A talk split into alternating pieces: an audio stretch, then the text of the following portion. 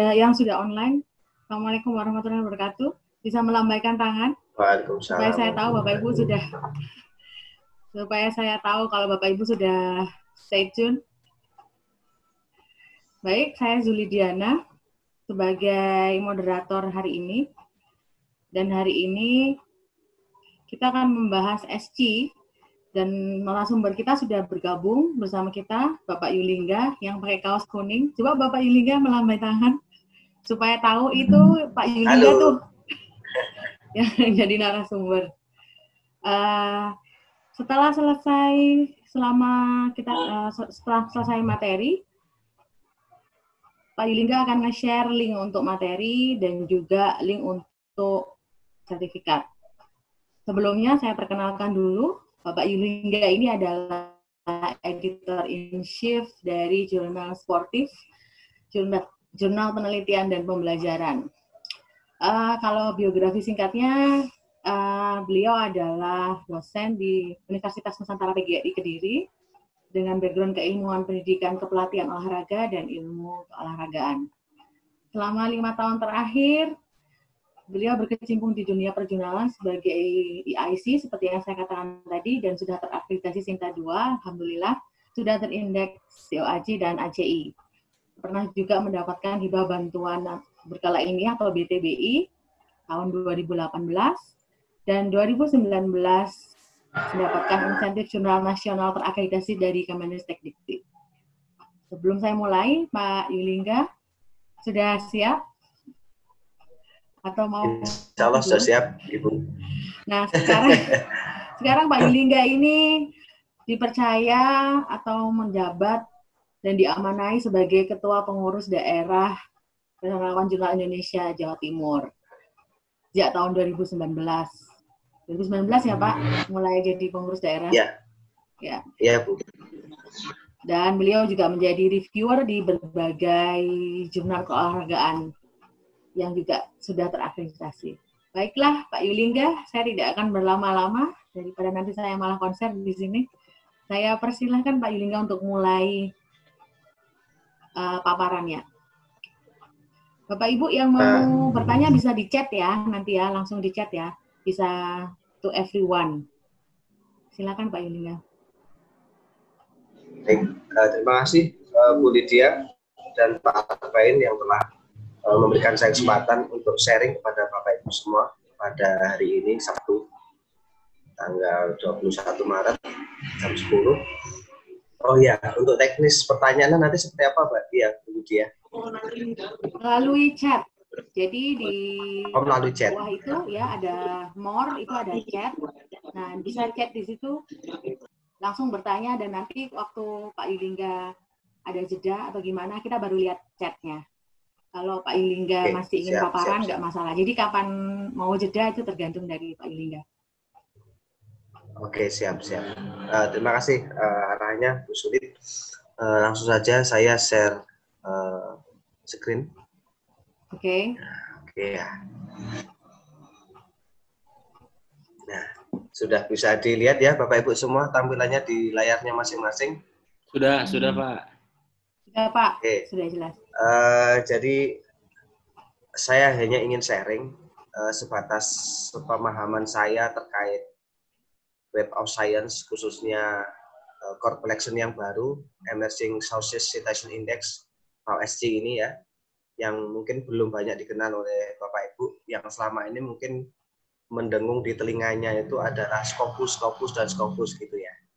Nah ini juga perlu diketahui Bapak Ibu Eh, proses bagaimana proses indeksnya ke sana, kemudian berapa lama proses indeksasinya. Nah, ini yang perlu diketahui dan apa syaratnya. Nah, barangkali nanti Bapak Ibu punya pengalaman yang berkaitan dengan ini boleh sharing. Karena saya sendiri juga sudah uh, ajukan uh, indeksasi ke SCI beberapa bulan yang lalu. Namun sampai sekarang juga belum ada kabar Oke, semoga nanti di sebelum uh, hari raya itu itulah uh, ada kabar. Oke. Nah, saya awali dari sejarahnya karena memang kalau kita searching di internet itu bertanya tentang Web of Science itu ya langsung ke arah websitenya yang resmi, bukan mengarah pada materi-materi yang di-sharing oleh teman-teman yang lain. Beda dengan Scopus, kalau Scopus sudah banyak yang bercerita melalui PowerPoint, PDF, dan lain sebagainya.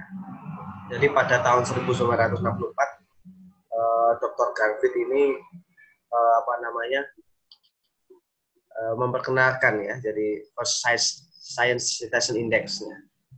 Jadi penting bagi penerbit ilmiah untuk mendapatkan jurnal mereka yang ditambahkan atau diindekskan ke Web of Science or Collection ya karena adalah satu tujuan pengindeksan teratas mereka selain Scopus. Nah, mengapa saya uh, ingin sharing tentang Web of Science? Ya, karena WOS ini adalah salah satu database rujukan global terbesar yang dan paling terkemuka setelah Scopus. Kemudian uh, tahun 65 ya tahun 65 ini Dr. Garfield ini memperkenalkan uh, jurnal Impact Factor. Jadi yang punya Impact Factor itu tidak hanya Scopus, Bos pun juga punya. Kalau di Scopus ada G1, G2, G3, G4. Kalau di Web of Science pun juga ada. Ya. Jadi namanya Core Collection. Ada Core Collection yang berdampak, ada yang tidak berdampak. Nah, yang berdampak itu selain uh, Emerging Source Citation Index.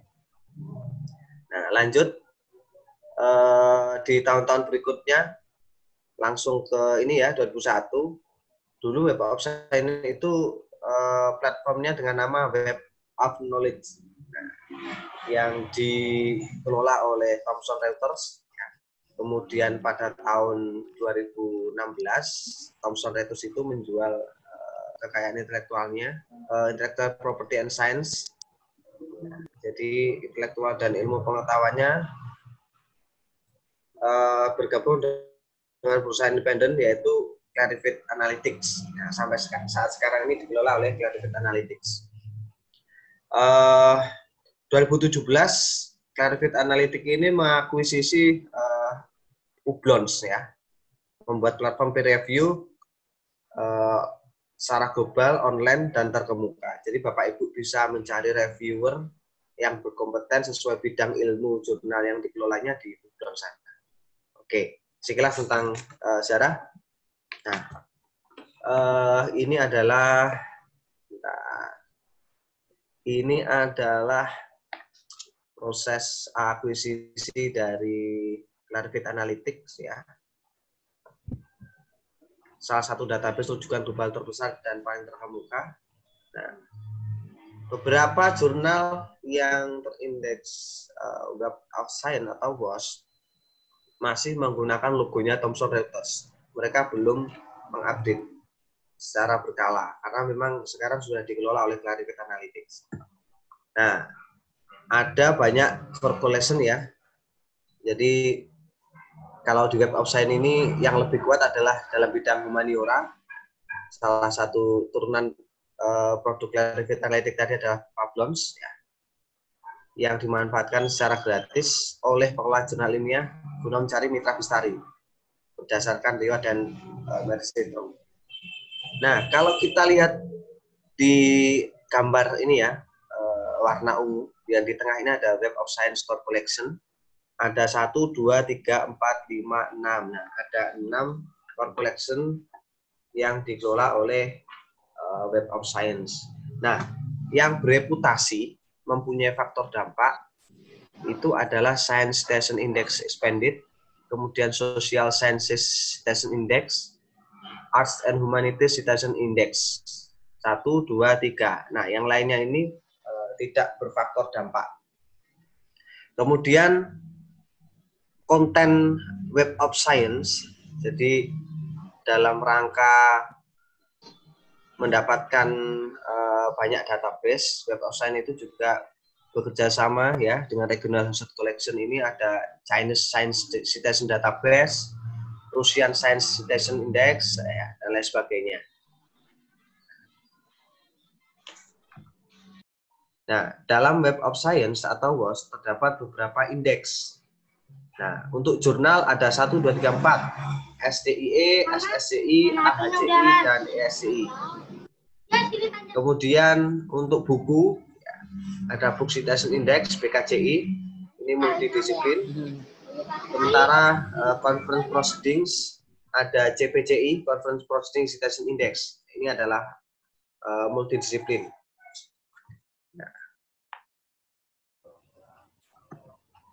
apa saja persyaratan untuk mengajukan ke WOS? Nah, ini yang penting sekali. Barangkali nanti Bapak Ibu bisa mengukur kesiapannya untuk mengajukan atau mengevaluasi jurnalnya ke Web of Science.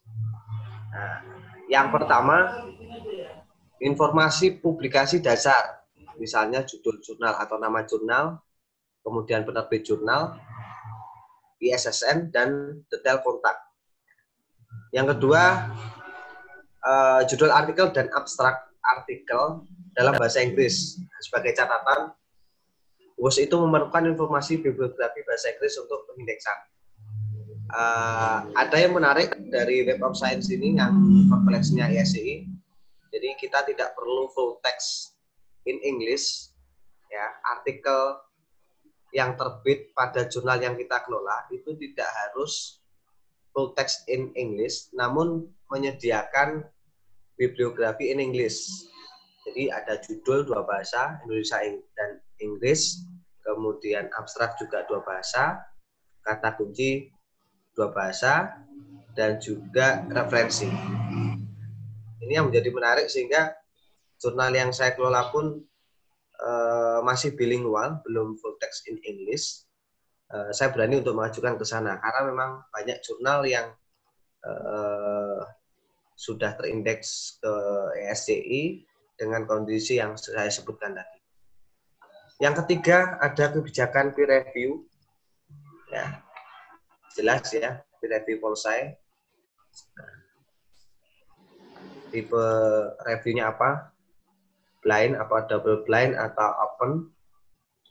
Kemudian eh, yang keempat ketepatan waktu dalam penerbitan dan atau volume publikasi. Nah, ini yang menjadi catatan penting juga.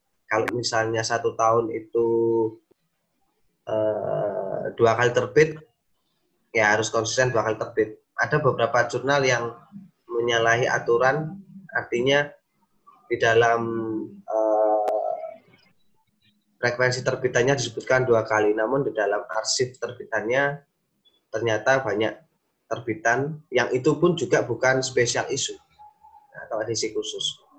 Yang kelima, kualitas dan relevansi konten ilmiah. Nah, ini juga penting. Artikel apakah memuat originalitas, eh, kemudian gap risetnya apakah sudah tercantum di dalamnya, kemudian novelty. Yang keenam, fungsionalitas situs web atau format jurnal. Jadi website jurnal dapat diakses dan tidak berisiko. Uh, beberapa jurnal yang sudah terindeks di yang masuk di Simago ada beberapa situs jurnalnya yang tidak bisa diakses. Ya. Nah itu yang yang menjadi persyaratan harus bisa diakses. Kemudian lanjut lagi informasi yang ada di website lengkap dan mudah ditelusuri. Ya, artinya proporsional. Mungkin uh, sidebarnya di sebelah kanan itu proporsional ukurannya huruf uh, besar kecilnya huruf juga harus proporsional. Yang ketujuh uh, adanya informasi dewan editorial termasuk komposisi dan detail afiliasinya. Jadi di dewan redaksi itu memang sebaiknya disebutkan uh, editor ini uh, dari mana, ya dari instansi mana. Ya kalau perlu sampai ke negaranya. Yang kedelapan pun juga sama, informasi pen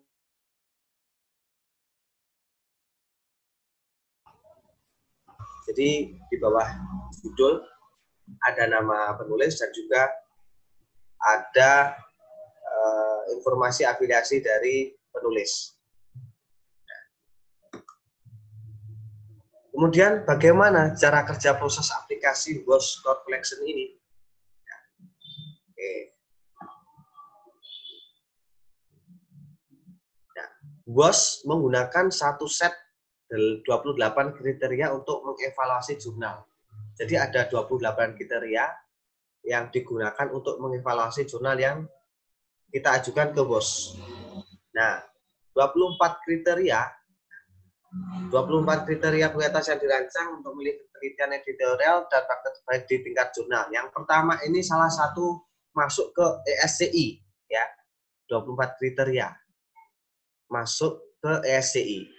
Kemudian empat kriteria tambahannya ya dirancang untuk memilih jurnal paling berpengaruh di bidangnya yang masing-masing menggunakan aktivitas kutipan sebagai indikator utama dampak. Jadi empat kriteria yang selanjutnya ini digunakan oleh tim BOS untuk mengevaluasi apakah jurnal ini memiliki faktor dampak. Ya, tentunya aktivitas kutipan yang di uh, dilihat kemudian diperhatikan juga oleh tim bos. Email ke sini. Yang saya kirim apa tadi? KTP ya? Iya, foto KTP-nya Bapak aja. Uh. Halo? Jadi Bapak kirimkan aja untuk foto KTP okay. Bapak. Saya apa yang tadi. Ada Pak Hars. Nanti ini ya. Ada di SMS-nya Bapak ya. Di nomor telepon yang dapat di angka ini.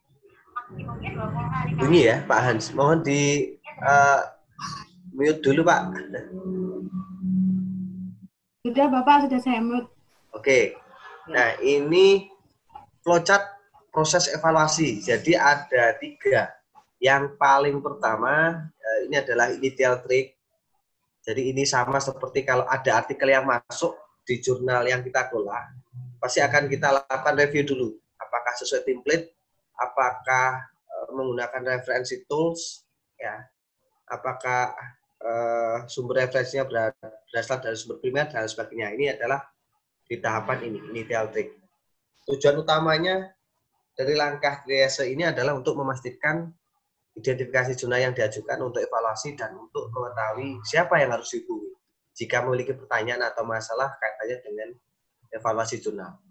Nah, tidak ada periode embargo untuk pengiriman ulang jika jurnal tidak lolos triase awal. Jadi kalau misalnya sudah diajukan, kemudian eh, tidak ada informasi, diajukan lagi pun tidak ada embargo. Berbeda seperti DOAJ. Kalau DOAJ sekali mengajukan ya sudah ditunggu enam bulan. Ya, kalau misalnya ditolak berarti harus menunggu satu tahun untuk bisa mengajukan lagi. Nah, ini yang perlu perlu diperhatikan uh, bedanya proses ajukan uh, jurnal ke BOS dengan DOAJ. Yang kedua, ada editorial create. Nah, langkah ini editor BOS meninjau jurnal untuk menentukan apakah evaluasi editor lengkap dan pantas. Ya. Jadi sudah, sudah ada tahap ke penilaian penelusuran editorialnya. Aku langsung. Yang ketiga, editorial evaluation. Nah, dalam langkah ini uh, editor bos sedang memeriksa untuk menjelaskan para judul, judul jurnal ya, ruang lingkup yang dinyatakan, kemudian komposisi dewan editorialnya dan kepengarangannya, dan konten yang dipublikasikan. Nah, jadi yang di editor evaluation ini masuk ke tahap mengevaluasi apakah jurnal ini uh, punya uh, faktor dampak atau tidak. Nah, apabila jurnal tidak lulus pada tahap ini ada embargo. Kalau di di ini ya eh, pengiriman ulangnya dikenakan embargo setidaknya dua tahun. Nah, setidaknya dua tahun. Selama dua tahun diharapkan nanti ada proses perbaikan sehingga ketika sudah dua tahun berjalan kemudian diajukan lagi ke proses yang ketiga ini. Lama ya dua tahun ya pak? Iya dua tahun. Kalau DOAJ kemarin satu tahun ya. Ya. Kalau DOAJ kan tidak ada pengklasifikasian apakah ini berfaktor dampak atau tidak. Semuanya sama, open access. Kalau ini dibedakan yang berfaktor dampak dan juga tidak berfaktor dampak. Nah ini uh, proses evaluasinya yang atas ini kan ada step 1, step 2, step 3. Nah, yang bawahnya ini adalah kriteria kualitas yang ditinjau oleh tim bos. Yang paling pertama tadi yang saya sebut menyebutkan initial tricks itu informasi dasar. Jadi ISSN, kemudian eh, nama jurnal, nama penerbit, kemudian URL website jurnal, ya. ada content access, artinya artikel yang terbit itu bisa diakses, kemudian tersedianya peer review policy, dan juga contact details. Nah, kemudian step kedua, editorial creates ini ada banyak komponennya. 1, 2, 3, 4, 5, 6, 7, 8, 9, 10, 11, 12, 13, 14, 15, 16, 17. Nah, ini 17. Nah, ada scholarly content. Jadi, konten ilmiah yang saya sampaikan tadi, apakah konten ini berisi jurnal, artikel yang terbit di jurnal, atau proceeding. Kalau konten artikelnya ini berupa artikel yang terbit pada jurnal, jadi nanti akan dimasukkan ke core collection yang ESCI, SCI, SSCI maupun HACI. Kalau dalam bentuk proceeding, maka akan dimasukkan ke CPICI tadi, Conference Proceeding Station Index. Yang kedua, artikel titles and artikel abstract in English. Jadi judul dan abstrak, baik itu pada PDF artikel maupun pada website, itu harus dalam bahasa Inggris. Meskipun batang tubuh naskahnya itu menggunakan e, bahasa Indonesia atau bahasa yang lainnya. Ya. Contohnya nanti ada di set e, berikutnya ini nanti ada contoh jurnal yang sudah terindeks ESCI e, menggunakan e, full text-nya bukan bahasa Inggris ya ada. Selanjutnya bibliografi ya jadi informasi bibliografi dalam skrip Romawi ya tujuannya supaya uh, mudah diakses, mudah dibaca dan harapannya cepat untuk disitasi. Ya. Yang keempat ada clarity of language. Jadi ini adalah kejelasan bahasa. Uh, penting sekali kita me, apa namanya bekerja sama dengan proofreader yang kompeten katanya dengan tata bahasa Inggris yang ada pada artikel yang terbit di jurnal yang kita kelola. Nah, ini juga termasuk bagian dari penilaian oleh uh, tim bos. Oke. Kemudian ada ketepatan waktu dan atau volume publikasi ya yang saya sampaikan di awal tadi ya. Jadi terbit tepat waktu, tidak ada utang ya. Jadi ada tidak ada utang terbitan. Yang kedua, kalau terbit dua kali dalam satu tahun, nah, ada dua nomor dalam satu volume, ya harus konsisten. Kalaupun ada, juga diinformasikan di jurnal history supaya tim bos juga e, mengetahui akan adanya perubahan frekuensi terbitan. Kemudian selanjutnya adalah website fungsional jurnal format yang saya sampaikan tadi ya. Jadi fungsi situs web bisa diakses ya, bisa diakses. Eh, kadang ada yang ada apa namanya risk resiko lanjutkan atau kembali. Nah, itu juga menjadi salah satu penilaian juga. Kemudian adanya uh, ethic statement, publikasi etika publikasi yang tercantum pada jurnal itu yang mengatur baik itu etika editor, etika reviewer maupun etika autor. Kemudian ada afiliasi editor yang jelas dan juga afiliasi autor. Kalau afiliasi editor tercantum di website. Kalau afiliasinya autor berarti ada di artikel yang terbit di metadata website dan juga di PDF-nya. Harus konsisten. Jika perlu lengkap uh, misalnya kalau di kampus saya Jalan uh, Kiai Ahmad Dahlan nomor 76 Mojoroto kode posnya 64112 Kota Kediri Provinsi Jawa Timur negaranya Indonesia ya dalam bahasa Inggris pun itu dianjurkan ya afiliasinya kemudian editorial board composition jadi eh, ini adalah komposisi dari editorial board. Apakah ada guest editor? Ya, berapa banyak editornya? Kemudian apakah editor ini memiliki riwayat publikasi yang relevan bidangnya dengan jurnal yang dikelola?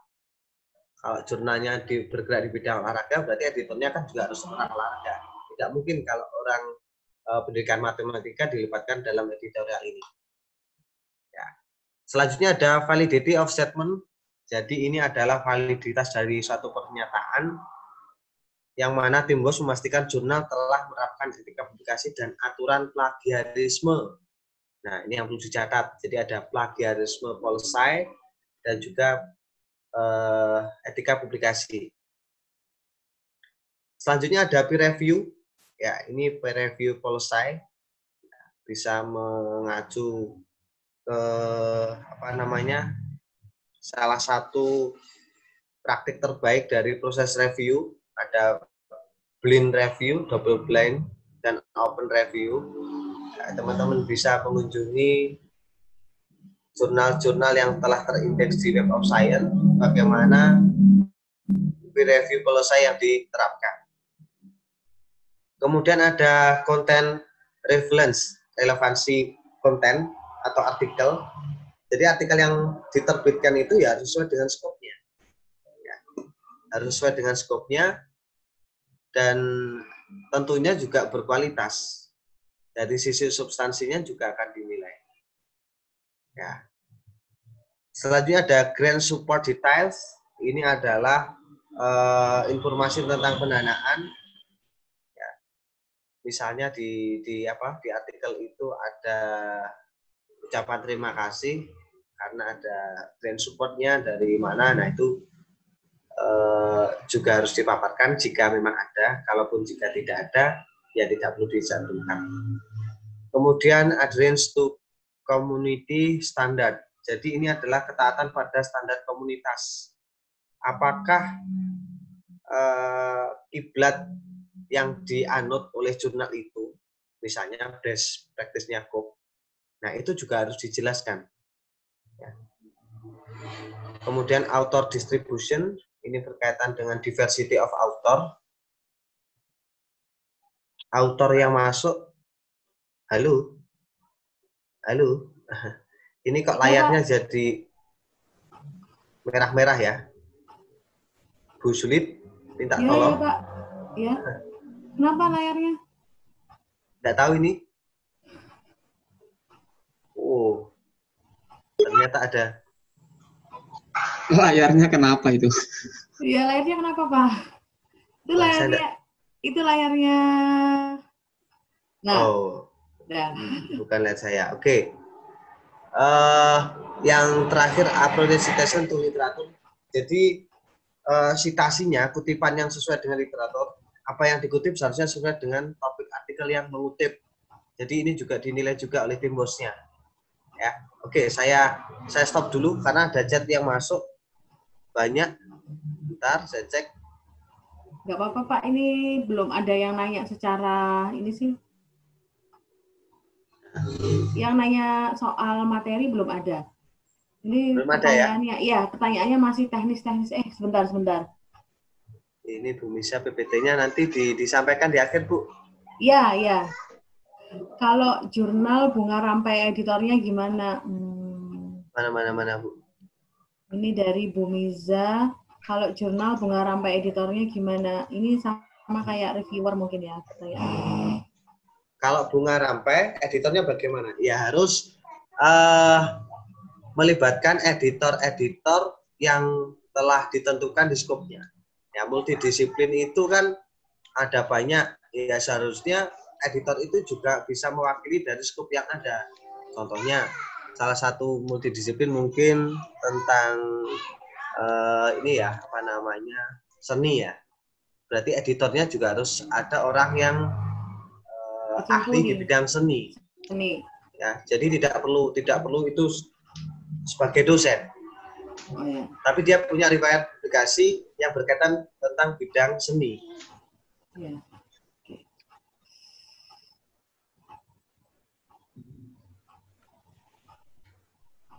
Baik Pak, monggo dilanjut Pak. Saya rasa eh, Pak Yulingga.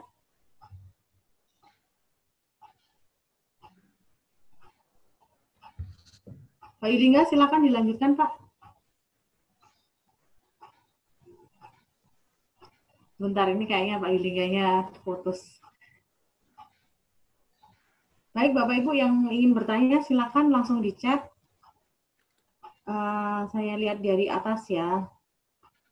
Dari Bapak Hars judul dalam dua bahasa atau bahasa Indonesia aja. Nanti dijawab oleh Pak Yulingga ya Pak.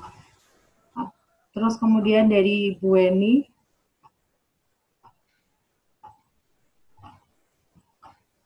Di sini menanyakan tentang mana tadi? Editor jurnal tersebut bisa dimasukkan artikel tergantung kebijakan jurnalnya ya Ibu. Terus kemudian dari Pak dari yang lain masih belum ada, kita menunggu sambungan lagi dari Pak Yulingga. Semoga bisa langsung tersambung lagi. Oke. Halo Saya Pak masuk lagi. Yulingga, ya Halo, halo. Ken- Kenapa tadi ini? eh, nggak tahu Pak, mungkin koneksi internetnya mungkin. Silakan Pak di share screen lagi yang mau dijelaskan. Ini masih kalau ada beberapa pertanyaan sudah ada pertanyaan sih. Apakah bahasa harus diutamakan bahasa PBB? Oh, sebentar. Saya tadi sampai slide mana ya? Ya, Saya sampai lupa. di slide ke terus terus Pak, terus Ini ya? Pak. Oke, oke. Ya, Saya cek dulu pertanyaannya.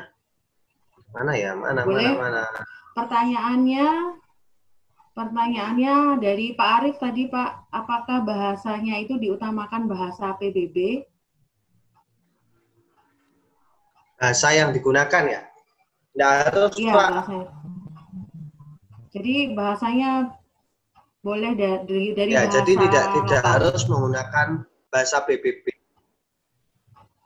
Ya, jadi tidak tidak harus bahasa PBB. Bahasa eh, kalau full text in Indonesia itu juga bisa diajukan untuk ke ESCI asalkan eh, artikel itu menyediakan judul dua bahasa Indonesia dan Inggris. Kemudian abstrak juga dua bahasa Indonesia dan Inggris dan juga kata kuncinya dua bahasa baik itu di artikel PDF maupun di website eh, itu harus menggunakan bahasa Inggris.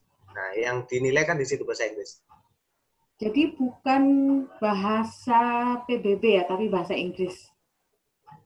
Ya, bahasa Inggris. Ini Inggris karena di situ sudah sudah di eh, di websitenya web offsite itu in English. Jadi yang harus dalam bahasa Inggris itu judulnya, abstrak, Abstrak. dan kata Hmm. kunci. Iya, betul. Kalau full text-nya boleh dengan bahasa lokal. Bahasa lokal Pak, full bukan text-nya bahasa bahasa, PBB. bahasa lokal. Iya. Jadi kalau misalnya di Indonesia bahas full text-nya bahasa Indonesia, Hmm. tapi uh, abstrak, judul, dan keywords-nya dalam bahasa Inggris. Mm-mm, betul, betul Bu, seperti itu. Itu kriteria yang paling minimal sekali. Ya.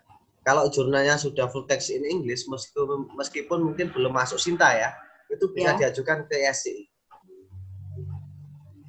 Misalnya, Ada saya sharing dengan Pak Faiz dari YIN Salatiga. Eh, beliau itu menemukan salah satu jurnal yang ada di Lampung atau Palembang, Sinta 4, tapi sudah masuk ke SCI karena memang dari awal full text in English, ya, jadi bisa diajukan untuk indeks ke SCI. Sudah memenuhi kriteria minimum. oke. Terus pertanyaan selanjutnya ini dari Pak Arif lagi ini. Oh bukan, Dari Pak? dari dari Mata Tohir, Pak Tohir ya. Oh, Untuk editor ya. atau reviewer, apakah semuanya harus dari luar negeri? untuk syarat indexing bos apakah Iya. ada persentasenya luar negeri beberapa persen dalam negeri berapa oke Eh, baik Pak Tohir jadi untuk komposisinya ini tidak diatur secara detail tapi yang jelas eh, mereka mengendaki adanya afiliasi yang jelas dari dari masing-masing editor nah di syaratnya web of science seperti itu jadi tidak mengatur berapa persen, misalnya 60 persen dari luar negeri, 40 persen dari dalam itu tidak diatur secara eh, eksplisit di websitenya Web of Science seperti itu. Oke. Kemudian Bu Rismawan, Ya. selama ini kami menerbitkan di UJS hanya judul dan abstrak Indonesia, tapi di full text PDF. Abstrak dua bahasa, apa yang harus dibenahi untuk bisa aplik ke UAS SCI? Menerbitkan UJS hanya judul dan abstrak Indonesia. Oke, jadi yang perlu diubah ini adalah tampilannya di website. Metadatanya harus in English.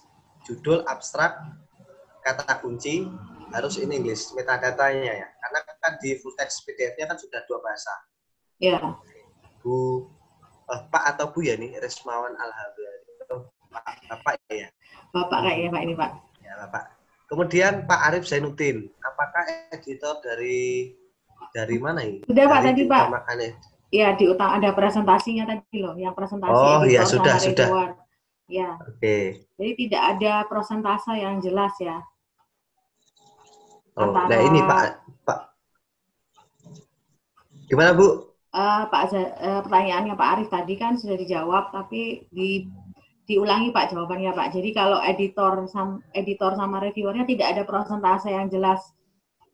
Ya, Ketentuan, jadi Pak Arif ketentuan. Zainuddin, saya ulangi lagi, saya tegaskan lagi, untuk editor maupun reviewer itu tidak ada aturan yang jelas yang mengatur berapa Berapa persen persen persentasenya reviewer maupun editor dari luar negeri. Yang Baik. diminta adalah kejelasan afiliasi dari pada editor maupun reviewer tersebut. Begitu ya Pak ya? Penjelasan afiliasi itu seperti gimana Pak Yulinga? Jadi di websitenya itu harus dicantumkan misalnya editor jurnal sportif Yulingga Nandanif. Kemudian afiliasinya adalah Universitas Nusantara PGRI Kediri dari Indonesia. Seperti itu. Oke. Meskipun, ya saya jelaskan meskipun, meskipun ada beberapa jurnal, bukan ada, mungkin eh, banyak ya, beberapa jurnal yang tidak menerapkan itu, tapi bisa masuk E ESCI. Baik. ya Bapak Ibu bisa bisa menelusuri jurnal yang sudah masuk ke SCI apakah eh, jurnal itu menerapkan kriteria yang diharapkan oleh WOS. Nah, ada juga yang banyak tidak tidak sesuai.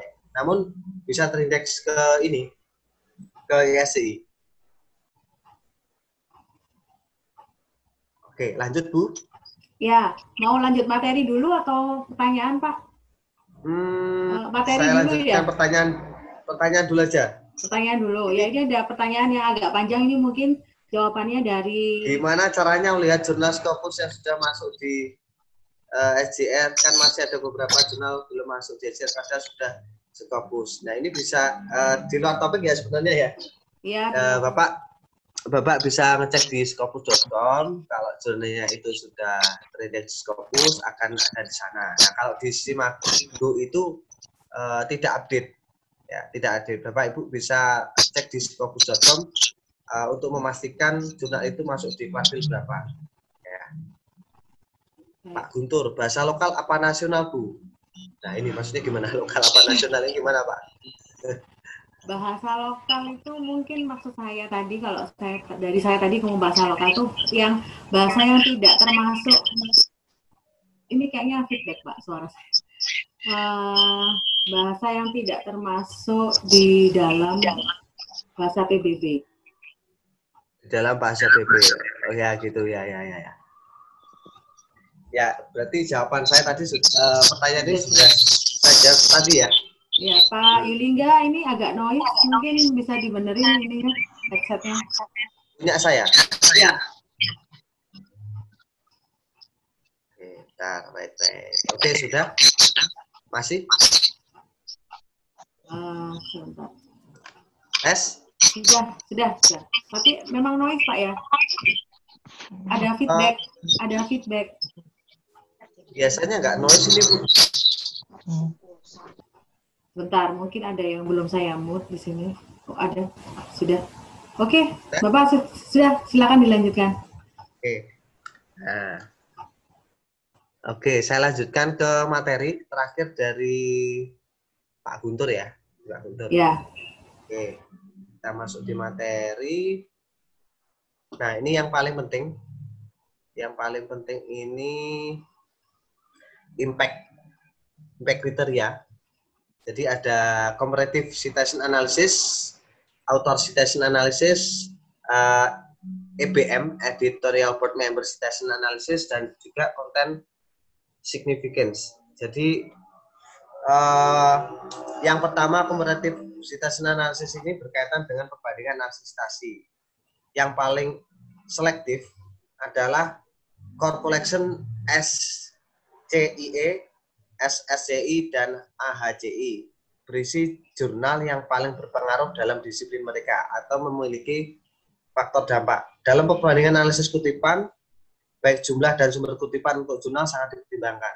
Artinya eh, jumlahnya kutipan berapa, kemudian yang mengutip itu sumbernya dari mana, apakah dari jurnal yang terindeks di BOS atau di Scopus, itu juga dipertimbangkan. Kemudian ada author citation analysis. Nah, author citation analysis ini adalah uh, sejarah publikasi yang dapat dilihat di Web of Science. Jaringan kutipan penulis harus sesuai dengan kategori dan jurnal dengan cakupan yang sebanding. Artinya tim bos ya, jadi akan menganalisis uh, uh, citasi penulisnya ya, artikel yang terbit di jurnal tersebut ya dicek referensinya apakah eh, citasinya di sini dapat ditelusuri dan sesuai dengan eh, reference styles yang ada di jurnal tersebut. Ya. Kemudian EBM Citation Analysis ini adalah editorial board member, jadi analisis kutipan dewan redaksi. Jadi dewan redaksi ini juga harus memiliki uh, apa namanya sitasi ya sitasi yang ada di apa namanya Google Scholar itu juga dilihat. Ya, seberapa berpengaruh karya-karyanya terhadap uh, artikel yang lainnya mensitasi itu dilihat dari sananya atau dalam artian ini adalah H index ya. Kemudian konten signifikan kemudian ada uh, artikel ya, artikel yang terbit itu seberapa menarik, seberapa penting, dan juga seberapa bernilai bagi pembaca maupun bagi penulis. Ya. Karena harapannya jurnal yang akan masuk di core collection yang berdampak ini, artikel-artikel yang dimuatnya pun menarik. Ya. Selain penting dan bernilai. Nah, itu adalah salah satu uh, kriteria untuk jurnal yang berdampak, ya, mempunyai dampak sama seperti Scopus. Misalnya kalau mengajukan ke Scopus, uh, minimal ada 10 citasi, ya, artikel yang terbit di jurnal yang diajukan ke Scopus itu ada 10 artikel yang mensitasi dan artikel yang mensitasi itu terbit di jurnal bereputasi juga. Sama ya. Jadi penilaiannya sama. Hanya saja penilaiannya lebih ketat fokus daripada Web of Science. Nah, ini saya juga sharing dengan Pak Faiz. Beliau juga mengatakan yang sama bahwasanya eh, keketatan dari Scopus itu lebih ketat dibanding Web of Science. Yang bawah ada keberhasilan luaran ini ya. Jadi kalau misalnya sudah ke tahap satu, tahap dua lolos semua, ini masuk ke SCI. Kalau sudah masuk ke SCI, tim GOS akan berusaha untuk mengevaluasi ke tahap tiga, editorial evaluation. Ya, kalau memenuhi, ya berarti bisa masuk ke population yang uh, salah satunya itu tiga, SCIE, SCCI maupun HACI. Tapi kalau tidak memenuhi, berarti cukup dia tercover di ESCI. Nah, yang paling menarik perbedaan antara Scopus dengan WOS ini yang yang saya tahu ya, yang saya tahu Scopus mengevaluasi jurnal itu satu tahun sekali. Sementara WOS itu setiap saat. Kalau ada laporan, eh, baik itu dari penulis atau siapa pun pembaca yang menyatakan bahwasannya suatu jurnal tidak menerapkan praktik terbaik dalam proses penerbitan, pihak WOS akan segera mengevaluasi. Ya. Jadi yang yang masuk di core reputasi ini, CE, SSCI, dan AHC ini bisa turun sewaktu-waktu ke SCI. Ya, bahkan dikeluarkan dari WOS. Karena memang e, tidak menerapkan praktik e, penerbitan yang yang baik. Ya, dan juga sebaliknya, kalau ada yang sudah tercover di atau terindeks di SCI, bisa naik ke SCIE, SCI, dan AHCI dengan cara mengajukan evaluasi lagi. Ya. Nah ini, kenapa kalau tidak sukses di bawah ini ada uh, penjelasannya bisa dilakukan submission ya, sesegera mungkin setelah diperbaiki. Di editorial trick ini gagal juga bisa. Ya, ini tidak ada embargo. Sementara ketika gagal di proses editor quality evaluation, nah ini ada embargo kurang lebih dua tahun. Ya. Kalau gagal di editorial impact evaluation, ya masuk atau continue di SCI. Ya. Embargonya dua tahun juga. Ya lama ya dua tahun. Di lama. Nah, Bapak Ibu kalau misalnya mengajukan sering-sering aja tanya ke ke bos ya. Nanti ada timnya yang akan menjawab melalui emailnya Bapak Ibu dan itu sah-sah saja bagi saya. Tidak ada embargo, ya. tidak ada embargo, jadi tidak perlu khawatir. Oke, selanjutnya, nah ini yang fase awal tadi ya, yang fase awal dilakukan menggunakan informasi yang disediakan oleh penerbit yang saya jelaskan tadi. Ada ISSN, nama jurnal, nama penerbit, dan lain sebagainya. Nah, untuk tujuan utamanya, memastikan identifikasi yang jelas dari jurnal yang diajukan evaluasi. Apakah benar namanya sesuai dengan ISSN? Apakah ISSN-nya itu bisa ditelusuri di portalnya ROT? Kemudian, untuk memastikan kami dalam artian di sini adalah tim bos memiliki akses teks penuh ke konten. Artinya artikel yang ada di jurnal itu bisa diakses atau dalam artian open access. Ya. Yang ketiga, mengetahui kebijakan peer review jurnal. Bagaimana kebijakan peer review yang diterapkan jurnal tersebut. Salah satunya eh, tipe reviewnya itu menggunakan apa? Keempat, mengetahui siapa yang harus dihubungi jika kami memiliki pertanyaan atau masalah. Ini kaitannya dengan uh, jurnal kontak tadi ya. Jurnal kontak tadi. Jika informasi yang diberikan tidak disediakan, editor Web of Science tidak dapat melanjutkan dengan evaluasi. Jadi, satu, dua, tiga, empat ini salah satunya tidak terpenuhi, editor ini tidak dapat melanjutkan evaluasi lebih lanjut. Dan kalau ada pengiriman ulang, submit ulang, ya sampai pulang karena mungkin satu bulan dua bulan kok tidak tidak ada respon ya disubmit ulang itu tidak ada embargo. Nah ini menariknya. Fase selanjutnya editorial reach ya. Ini untuk mengevaluasi apakah jumlahnya mengandung uh, konten ilmiah yang bisa diakses yang menarik kemudian persyaratan bahasa Inggris tadi Romawi terpenuhi. Ya. Apakah artikel ditulis dengan cara yang jelas dan mudah dipahami? Apakah jurnal mempublikasikan volume konten yang menunjukkan minat kepada komunitas riset yang dituju dan adanya detail editorial dan afiliasi penulis untuk memberikan identifikasi yang benar. Nah, ini yang tahap satu dan tahap dua. Tahap satu dan tahap dua ini hanya berbasis uh, melihat pada website. Berbeda pada tahap yang ini, editor evaluation. Jadi kualitas yang dinilai dari citasinya. Dalam langkah ini editor bos sedang memeriksa untuk menyeraskan antara judul jurnal, sekup yang dinyatakan, komposisi dewan editorial, dan konten atau artikel yang diterbitkan mereka juga mencari bukti ketegasan editorial dan kepatuhan terhadap standar komunitas.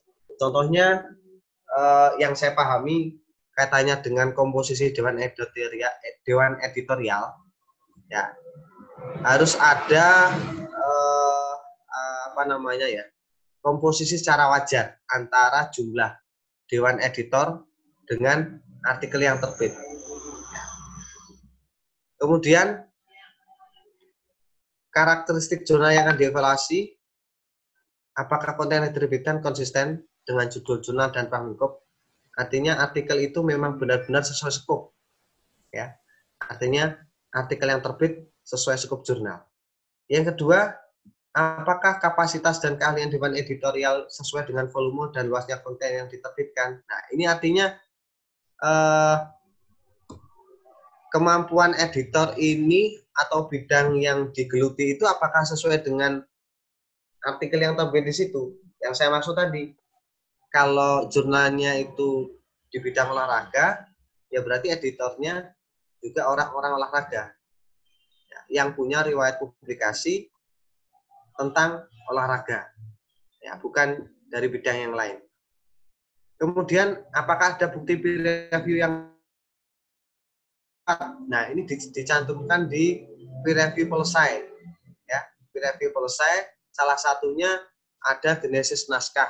Artikel ini diterima kapan, direview, uh, direvisi kapan, kemudian dinyatakan accepted kapan. Nah, yang keempat, apakah penulis menunjukkan karakteristik yang memvalidasi partisipasi mereka dalam komunitas ilmiah yang relevan. Nah, uh, yang ini Artinya penulis penulis ini mempunyai uh, apa namanya artikel-artikel yang diterbitkan di jurnal itu sesuai dengan uh, apa ya hmm, bahasanya apakah penulis menunjukkan arti yang memvalidasi partisipasi mereka dalam komunitas ilmiah yang relevan?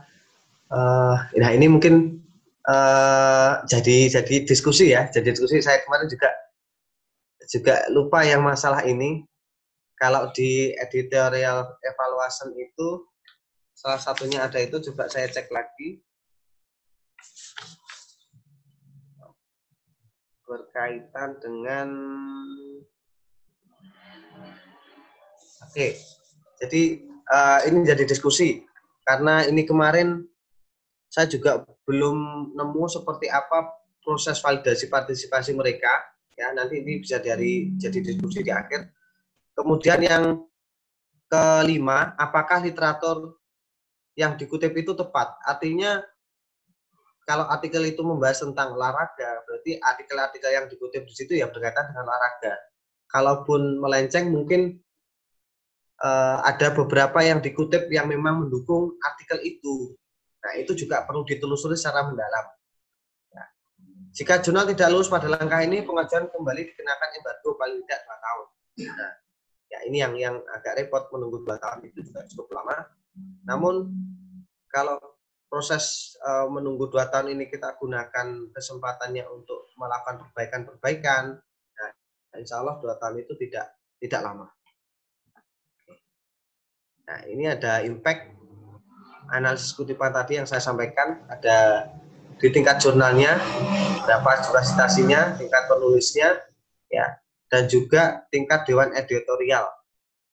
Ada faktor tambahan yang dipertimbangkan, artikel yang terbit dalam jurnal itu harus menarik penting dan bernilai tadi ya, supaya pembaca itu minat untuk e, membaca sekaligus mungkin mensitasi artikel yang ada di database Web of Science. Kemudian signifikansi konten ditunjukkan dengan spesialisasi yang unik, perspektif novelty ya, fokus regional atau konten yang tidak biasa memperkaya luasnya cakupan web of science. Jadi ini berkaitan dengan substansi yang nomor dua. Sisi artikel yang menarik, kemudian uh, ada kebaruan seperti kemarin yang uh, disampaikan Kang Rofi ya, jadi uh, coronavirus COVID 19 satu hari ada proses pengiriman, ada proses uh, accepted itu hanya dalam satu hari. Nah, itu yang yang apa namanya menjadi uh, nilai positif daripada artikel yang memiliki spesialisasi yang unik, bahkan uh, novelty-nya. Kemudian jika tidak lulus langkah uh, langkah ini, evaluasi ulang akan dikenakan periode embargo setidaknya dua tahun. Ya, dua tahun. Nah, ini. Jadi yang di sebelah sini, yang di tengah ini, SSCE Haji ini merupakan uh, core collection yang memiliki faktor dampak. Nah, sementara yang luar ini tidak memiliki faktor dampak. Namun meskipun tidak memiliki faktor dampak, aktivitas citasi tetap terekam di database-nya Web of Science. Nih. Ya. Berapa lama jurnal dievaluasi? Nah, kalau DOAJ eh, yang terakhir 3 sampai 6 bulan ya, DOAJ ya. Nah, di WOS pun juga hampir sama, jadi tim supportnya WOS mengatakan bahwa proses evaluasi aplikasi awal dapat memakan waktu antara 3 sampai 6 bulan. Nah, untuk core collection yang faktor dampak ya tiga koleksi, tiga koleksi ya tadi yang saya sampaikan itu presentase penerimaannya 10 sampai 12 persen. Jadi sangat ketat sekali, ya, sangat ketat sekali. Sementara untuk masuk ke SCI umumnya lebih tinggi, artinya persentasenya itu lebih tinggi. Karena memang tidak ada proses uh, penjaringan secara ketat seperti uh, analisis kutipan tadi yang saya maksud. Hanya berdasarkan informasi-informasi yang ada di website. Seperti hampir sama dengan DOAJ. Ya. Evergreen Sources Station Index atau SCI Halo, kok muncul kuning-kuning di tengah? Bentar. Uh, ini dari layarnya. Dari layar saya? Iya, dari layarnya. Sebentar, Pak. Oke. Okay.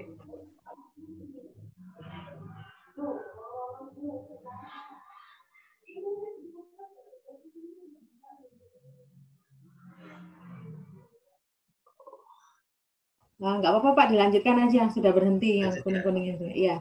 Amin. Nah ini ya, ada Pak Dudu juga, Kang Dudu. Wih. Iya, ada Pak Dudu, ada Pak Ramlan, ada Pak Arif tadi, ada Pak, Pak Faris. Ya. Mohon izin ya Bapak-Bapak, suhu-suhu. Jadi uh, hari ada ini... Pak Ratodi juga. Oh iya, brainstorm ya soal YSI. Barangkali kalau saya uh, mungkin kurang tepat dalam menyampaikan, mungkin bisa dievaluasi uh, karena sifatnya brainstorm dan saya sendiri juga masih minim pengalaman sebenarnya. Tapi saya beranikan untuk sharing supaya teman-teman ini juga uh, punya pengetahuan tentang Web of Science yang uh, kalah populer ya, mungkin kalah populer dengan Scopus. Oke, jadi ESC ini diluncurkan tahun 2015 oleh Thomson Reuters karena saat itu belum ada akuisisi ya. Nah, sebagai database baru di Web of Science Nah, ada sekitar 3.000 jurnal uh, dipilih untuk liputan pada saat peluncuran yang mencakup berbagai bidang studi. Jadi uh, banyak bidang studi yang masuk di di di sana ya di ESI. Nah, sejak 2017 indeks ini telah diproduksi ya. Proses kurasinya dilakukan oleh Clarivate Analytics. Ya, tujuannya untuk memperluas cakupan publikasi di Web of Science untuk memasukkan publikasi peer review yang berkualitas tinggi. Jadi ini memang uh, tujuan utamanya adanya SCI supaya banyak jurnal yang menerapkan peer review ya meskipun mungkin belum punya faktor dampak tapi bisa uh, masuk dalam database Web of Science. Ya. Oke. Okay. Next.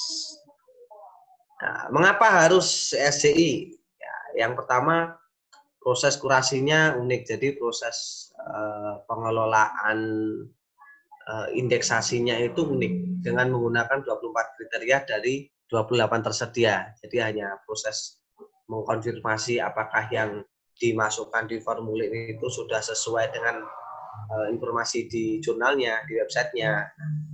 Yang kedua, cover to cover indexing. Jadi peninjauan berdasarkan artikel yang memuat penulis dan afiliasinya, abstrak dan kata kunci, sumber pendanaan atau ucapan terima kasih dan semua referensi yang dikutip. Nah, ini peninjauannya. Jadi hanya eh, melihat dari sisi judul, kemudian penulis, afiliasi, kata kunci, nah, terima kasih, dan referensi. Kemudian ada pengutipan yang benar, eh, artinya eh, salah satu indikasinya adalah artikel, eh, maaf, referensi yang dikutip itu memang benar-benar mendukung eh, artikel itu. Ya, misalnya sesuai dengan bidangnya. Ya. Kemudian apa sih benefitnya? Nah, ini yang yang menarik ya. Jadi apa benefitnya kalau jurnal yang kita uh, kelola ini bisa terindeksi SCI? Jadi yang pertama membuat ribuan jurnal dapat dicari, ditemukan dan mudah disitasi, ya karena uh, Web of Science juga termasuk database yang besar, yang besar dan memastikan bahwa uh, Web Science ini mencakup tren dan perkembangan ilmiah di luar literatur berdampak tinggi. Salah satu indikator penilaian dan dari konten adalah tren artikel, kebaruan, menarik, ya, bernilai. Nah, kemudian yang ketiga ini membuat kriteria seleksi uh, ketat uh, yang diterapkan oleh tim supportnya WOS itu lebih transparan. Ya. Artinya uh, ada ada konfirmasi bahwa ini adalah open access, ya. kontennya dapat diakses, ada peer review. Ya. Oke. Lalu apa saja persyaratan untuk pengindeksan ke ESC? Yang pertama, jurnal menerapkan peer review. Ya, harus. Yang kedua, mengikuti praktik penerbitan yang baku. Ya, ini mengacu eh, di KUP ya. Kemarin kalau tidak salah ada selain KUP itu ada hmm, apa ya? BMA atau siapa nanti Pak Pak Ratovi mohon uh, penjelasan mungkin ya sharingnya kaitannya dengan itu. Kemudian memenuhi persyaratan teknik, ya. Ini bisa diakses di uh, websitenya WOS ya ketika mengajukan evaluasi nanti ada ininya apa namanya slide-nya. Kemudian informasi bibliografi bahasa Inggris untuk pengindeksan. Ya, jadi in English bukan uh, bahasa PBB. Ya, kalau di Scopus itu kan bahasa PBB. Tapi kalau di ini untuk SCI itu in English. Nah, ini contoh uh, tiga jurnal yang terindeks SCI, namun full text-nya bukan bahasa Inggris, namun as English Language Bibliographic Information. Nah, ini bisa jenengan cek nanti setelah materi ini saya share, nah ini tinggal klik nanti akan ngarah ke jurnalnya, bisa dicek. Jurnal sudah mencakup informasi bibliografi bahasa Inggris, termasuk judul, abstrak, kata kunci, dan referensi yang dikutip. Nah, jadi persyaratannya menurut saya yang paling paling dasar ini aja. Kalau jurnal yang dikelola Bapak Ibu sudah memenuhi ini, coba saja diajukan. Ya, semoga nanti bisa terindeks SCI. Nah, untuk bisa masuk ke yang bereputasi core collection yang ACI, SCI tadi, ya, memang harus melalui proses ini dulu. Ya, supaya kita bisa mengukur eh, seberapa kualitas jurnal yang kita kelola, apakah sudah sesuai dengan kriteria minimum ya, yang diharapkan oleh bos. Nah, ini jurnal submission formnya ya di mglclarifit.com slash bos jurnal submission bos jurnal submission HTML. Nah, ini ya Bapak Ibu, kalau mau mengajukan jurnalnya ke BOS, ya, nah ini alamatnya, kemudian klik OK, dan ini adalah minimum kriteria, kriteria minimum. Ya, ada ada peer review konten, kemudian ISS-nya terdaftar di ISSN International Center, kemudian uh, include English Language Bibliographic. Nah, ini English Language Bibliographic Information, abstract, keywords, site references, nah, dan juga roman script. Oke, lanjut. Kalau sudah sesuai dengan uh, kriteria, boleh diberi tanda centang ini sebagai uh, apa namanya bukti bahwa telah membaca pusata dan berhak menyerahkan jurnal untuk diindeks ke bos. Nah, ada beberapa pertanyaan yang question pertama dan sampai 10 ini uh, dasar ya. Official journal title, ya berarti judul jurnal, nama jurnal, kemudian EISSN, ada title, karena ini tidak ada tanda bintang, berarti tidak wajib diisi. Yang wajib diisi adalah yang ada tanda bintang. Ya. Ini akronimnya, atau mungkin boleh bilingual title-nya. Kalau di sini bahasa Inggris, mungkin ini bahasa Indonesia. Ya.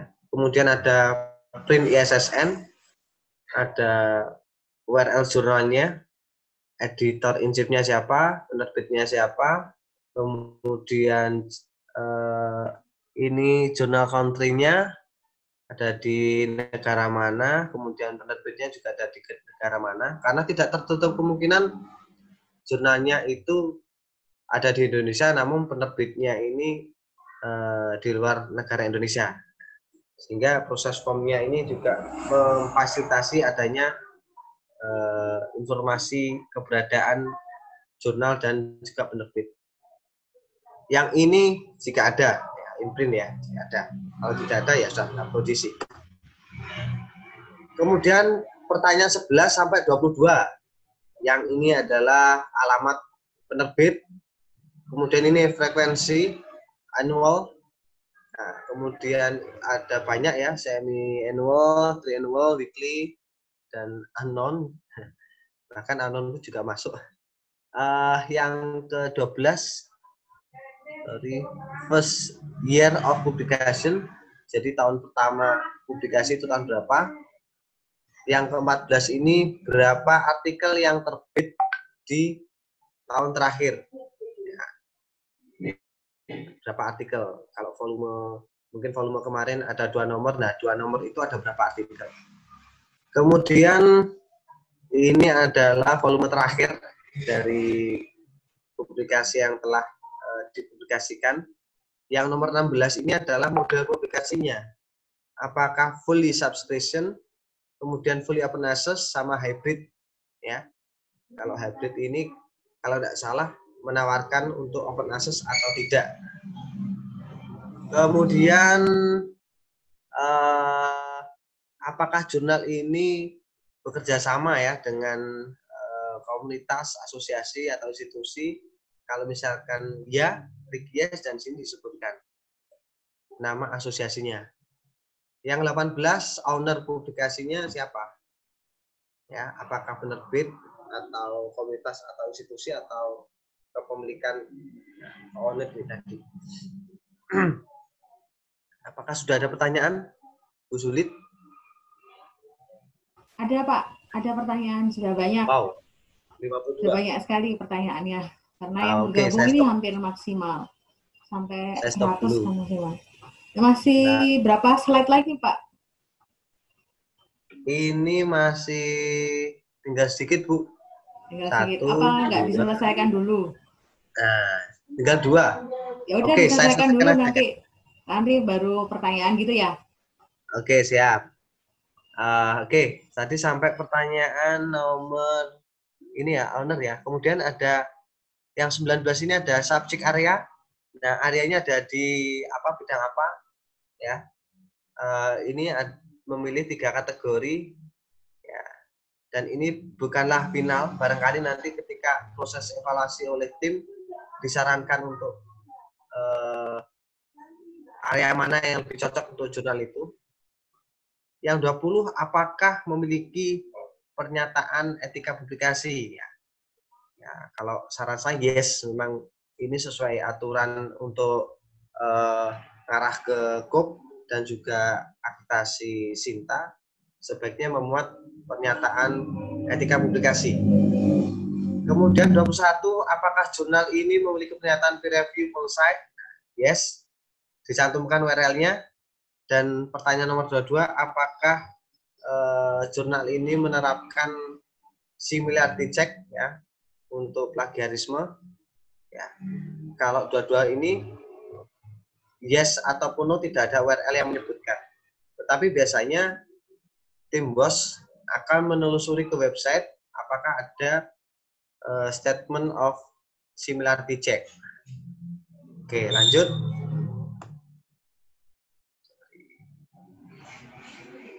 Nah, ini untuk aksesnya. Jadi, uh, sorry, uh, untuk aksesnya evaluasi dapat diproses tanpa full text, ya. Dan juga harap tunjukkan di bawah ini bagaimana tim editorial Web of Science akan mengakses publikasi. Nah, kebanyakan di Indonesia kan open access, ya. Apalagi jurnal yang masuk di atau Trinidad 2 itu kan open access. Jadi uh, perlu memilih ini saja supaya tim editorial itu bisa mengakses tanpa harus login. Kalau misalnya harus login terlebih dahulu, maka harus menyertakan username and password supaya tim editorial bisa menelusuri uh, jurnal tersebut. Nah, primary language sama secondary language ya ini dipilih kalau misalnya dalam dua bahasa, misalnya foodcastnya ini Indonesia dan menyediakan bibliografi bahasa Inggris, ya, atau juga menerima full text in Inggris, maka primerinya Indonesia, secondary language-nya juga eh, bahasa Inggris ya, karena tadi bisa menerima full text in Indonesia maupun in Inggris. Kalau misalnya hanya satu, ya sudah satu saja. Di sini kan tentangnya bintangnya cuma satu yang wajib diisi. Yang ini opsional. Kemudian editorial kontak ini yang terakhir ya. Jadi informasi tentang nama uh, editorial kontaknya siapa, kemudian production kontaknya siapa, dia kontak detail siapa. Nah kalau saya kemarin ini saya isi editor insip semua ya supaya satu pintu dalam proses komunikasi sehingga lebih mudah uh, proses penyampaiannya, di proses eh, apa pemantauannya itu lebih mudah. Nah, kalau sudah ini dicentang, nah sebaiknya sebelum diklik submit itu Bapak Ibu alangkah lebih baiknya mengecek ya, mengecek isian di atasnya tadi apakah URL yang dimasukkan itu bisa diakses ya atau tidak. Ya. Kalau sudah pastikan bahwa Bapak Ibu siap untuk mengajukan ke bos dan berdoa dulu sebelum klik submit. Oke. Baik, Pak Yulingga, uh, balik lagi satu slide Pak Yulingga. Tadi ada informasi yang ketinggalan untuk yang okay. editorial kontak itu yang slide terakhir, slide terakhir sebelum terima kasih. Ya ini. Nah ya. ini kan, ini kan tadi Pak Yulingga bilang ini diisi editor insif semua ya. Berarti ya. namanya sama, orangnya sama, hmm. kontaknya ya. sama. Hmm, sama semuanya. Ya, sama semuanya. Oke, baiklah. Berarti ini kalau misalnya yang submit Pak Yulingga, berarti di sini Yulingga, Yulingga, Yulingga ya. semua. Ya, ya karena yang submit saya. Tapi kalau yang submit mungkin uh, tim redaksi saya, berarti editor kontaknya saya, produksinya mungkin saya, dan uh, your contact detailnya adalah tim redaksi ta saya tadi yang mengajukan evaluasi ke BOS. Oh, Oke, okay, baiklah. Itu. Ya. Oke, okay, Kita ke pertanyaan yang di chat ya, Bapak. Oke, ini materinya nanti atau sekarang, Bu?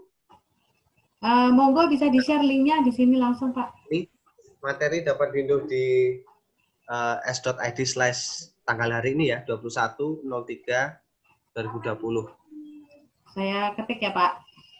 Oke, okay,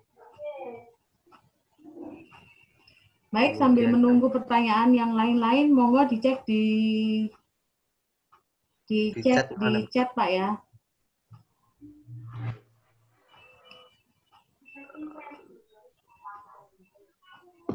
Dan tahu.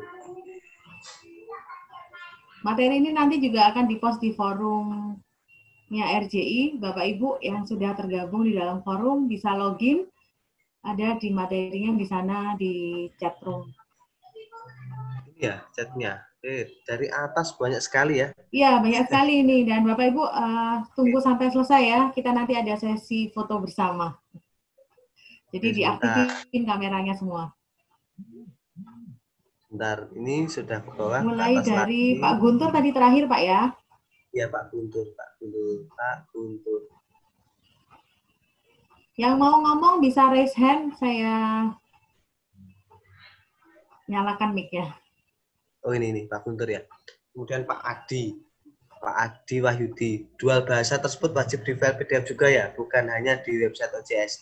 Ya, ya di PDF eh, yang dual bahasa, judul, abstrak, kata kunci. Kalau di website OJS eh, ada beberapa fitur yang memang hanya bisa satu bahasa, ada juga yang dua bahasa. Yang dua bahasa biasanya OJS 2 itu bisa, OJS 3 sebenarnya juga bisa. Tapi kalau di jurnal yang saya kelola ini kebetulan di websitenya metadatanya bahasa Inggris, jadi tidak ada bahasa Indonesia-nya. Meskipun full text in Indonesia. Itu Pak Adi. Ya, terus. Ya bahasa Inggris memang ba- bahasa PBB, bagian dari bahasa PBB. Ya, Pak. Siapa ini? ya. Indonesia. eh, Indonesia. Tapi Ya tadi kita kalau lokal tadi loh Pak. PBB boleh menggunakan bahasa Mandarin, ya Betul. bahasa Prancis. Tapi kalau WOS sudah menentukan dengan satu Bahasa bahasa, Inggris, bahasa Inggris. ya bahasa Inggris aja. Ya. Jadi lebih spesifik ya. Ya, yang penting pakai tulisan huruf Roman, betul, nggih. Om, Om, aku nanya di artikel yang full text-nya bahasa Indonesia, judulnya tetap bahasa atau bilingual? Aku nanya di artikel yang full text-nya bajunya, judulnya tetap bahasa bahasa Indonesia atau bilingual? Nah, sebaiknya bilingual, Pak. Pak Dedi. Ya. Karena yang diharapkan tadi ada informasi eh, minimal bibliografi in English. Ya, betul. Gitu ya. Jadi, Pak Dedi, jadi yang harus eh, mungkin bisa diulangi lagi ya yang harus bahasa Inggris ketika mau indeksasi SC ini adalah judul, abstrak judul, abstrak, dan kata kunci, kata kunci. itu. Nah, tadi yang terakhir Pak, bibliografi tadi juga kan? Ya, Bibliografi juga harus dalam bahasa Inggris. Hmm, hmm, betul. Ya, berarti empat tuh Pak. Judul, abstrak, keyword, dan bibliografi. Ya, bibliografi. Semuanya harus dalam bahasa Inggris. Betul, betul. Bu. tersedia dalam bahasa Inggris. Kalau Oke. abstraknya kan bilingual dua bahasa, Ya. judulnya juga bilingual, keywordnya juga bilingual. Tapi Ya. untuk bibliografinya bahasa Inggris aja. Itu ya Bapak ya? Iya, betul, Bu. Oke. Lanjut. Yang eh, ini DTL. dari HP-nya eh, dari admin eh, eh, bukan maaf. Siapa ini ya namanya ya? Eh, ini sudah Pak Resmawan tadi sudah ya? Dari Pak Jamiluddin ini Pak Yudingga. Pak Jamiluddin. Ya, ini di atas DTL ada ini? ya pertanyaan ini.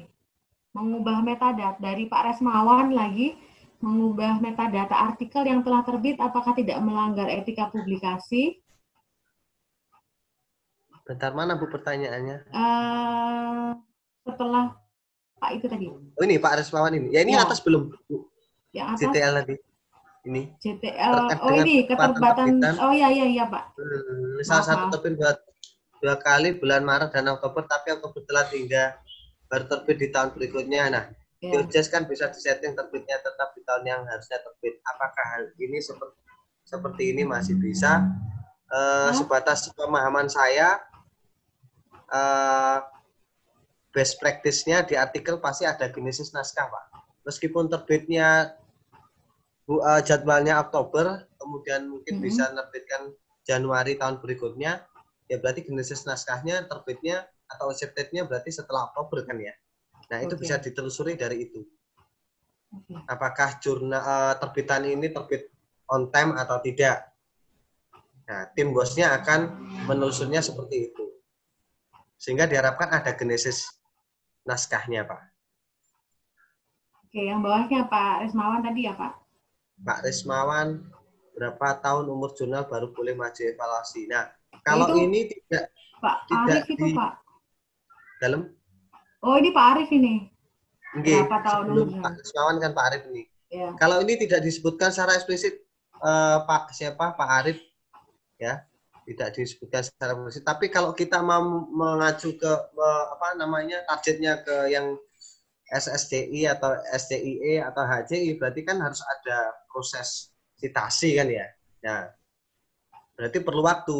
Nah, waktunya berapa ya tergantung proses citasinya itu diperoleh berapa berapa lama. Nah, itu kan. Tapi kalau kalau misalnya targetnya mungkin SCI satu terbitan saya rasa sudah bisa untuk eh, mengajukan indeks ke SCI karena tidak diatur di di apa namanya di websitenya bos itu tidak diatur berapa minimal kemudian Pak Rismawan mengubah metadata artikel yang telah terbit apakah tidak melanggar etika publikasi atau pembenahannya nanti pada terbitan berikutnya. Nah, ini yang perlu diubah apa, Pak? Kalau menambahkan penulis, ya pasti jika tidak diperbolehkan kan ya. Nah, ini perlu diperjelas metadata artikelnya apa. Atau mungkin abstraknya. Ya, atau judulnya dalam bahasa Inggris. Nah, kalau se, se selama ini saya menerapkan baik metadata maupun PDF itu saya pastikan sebelum terbit online sudah benar-benar final Pak. Jadi tidak ada kesempatan saya untuk mengedit terbitan yang sebelumnya. Nah, mungkin nanti ada pengalaman dari Bapak Ibu yang lain yang lebih uh, paham, boleh uh, apa Ya, namanya share ada. katanya dengan ini ya. Ya, betul. Ada Begitu, beberapa yang sudah join. Lanjut Pak, Halo. bawahnya lagi Pak. Pertanyaan dari Lanjut. Pak, ya di bawahnya itu ada pertanyaan dari Pak Jamiluddin itu tadi. Pak Jamil, problemnya adalah di aturan akreditasi Arjuna, jika full text-nya bahasa Indonesia, judul tidak boleh ditulis bahasa Inggris. Hanya diperkenankan terjemahan input. Kan di kalimat pertama, abstrak bahasa Inggris dengan tanda khusus bold. Nyun solusi komentarnya, Mas. Bentar, bentar, saya pahami dulu.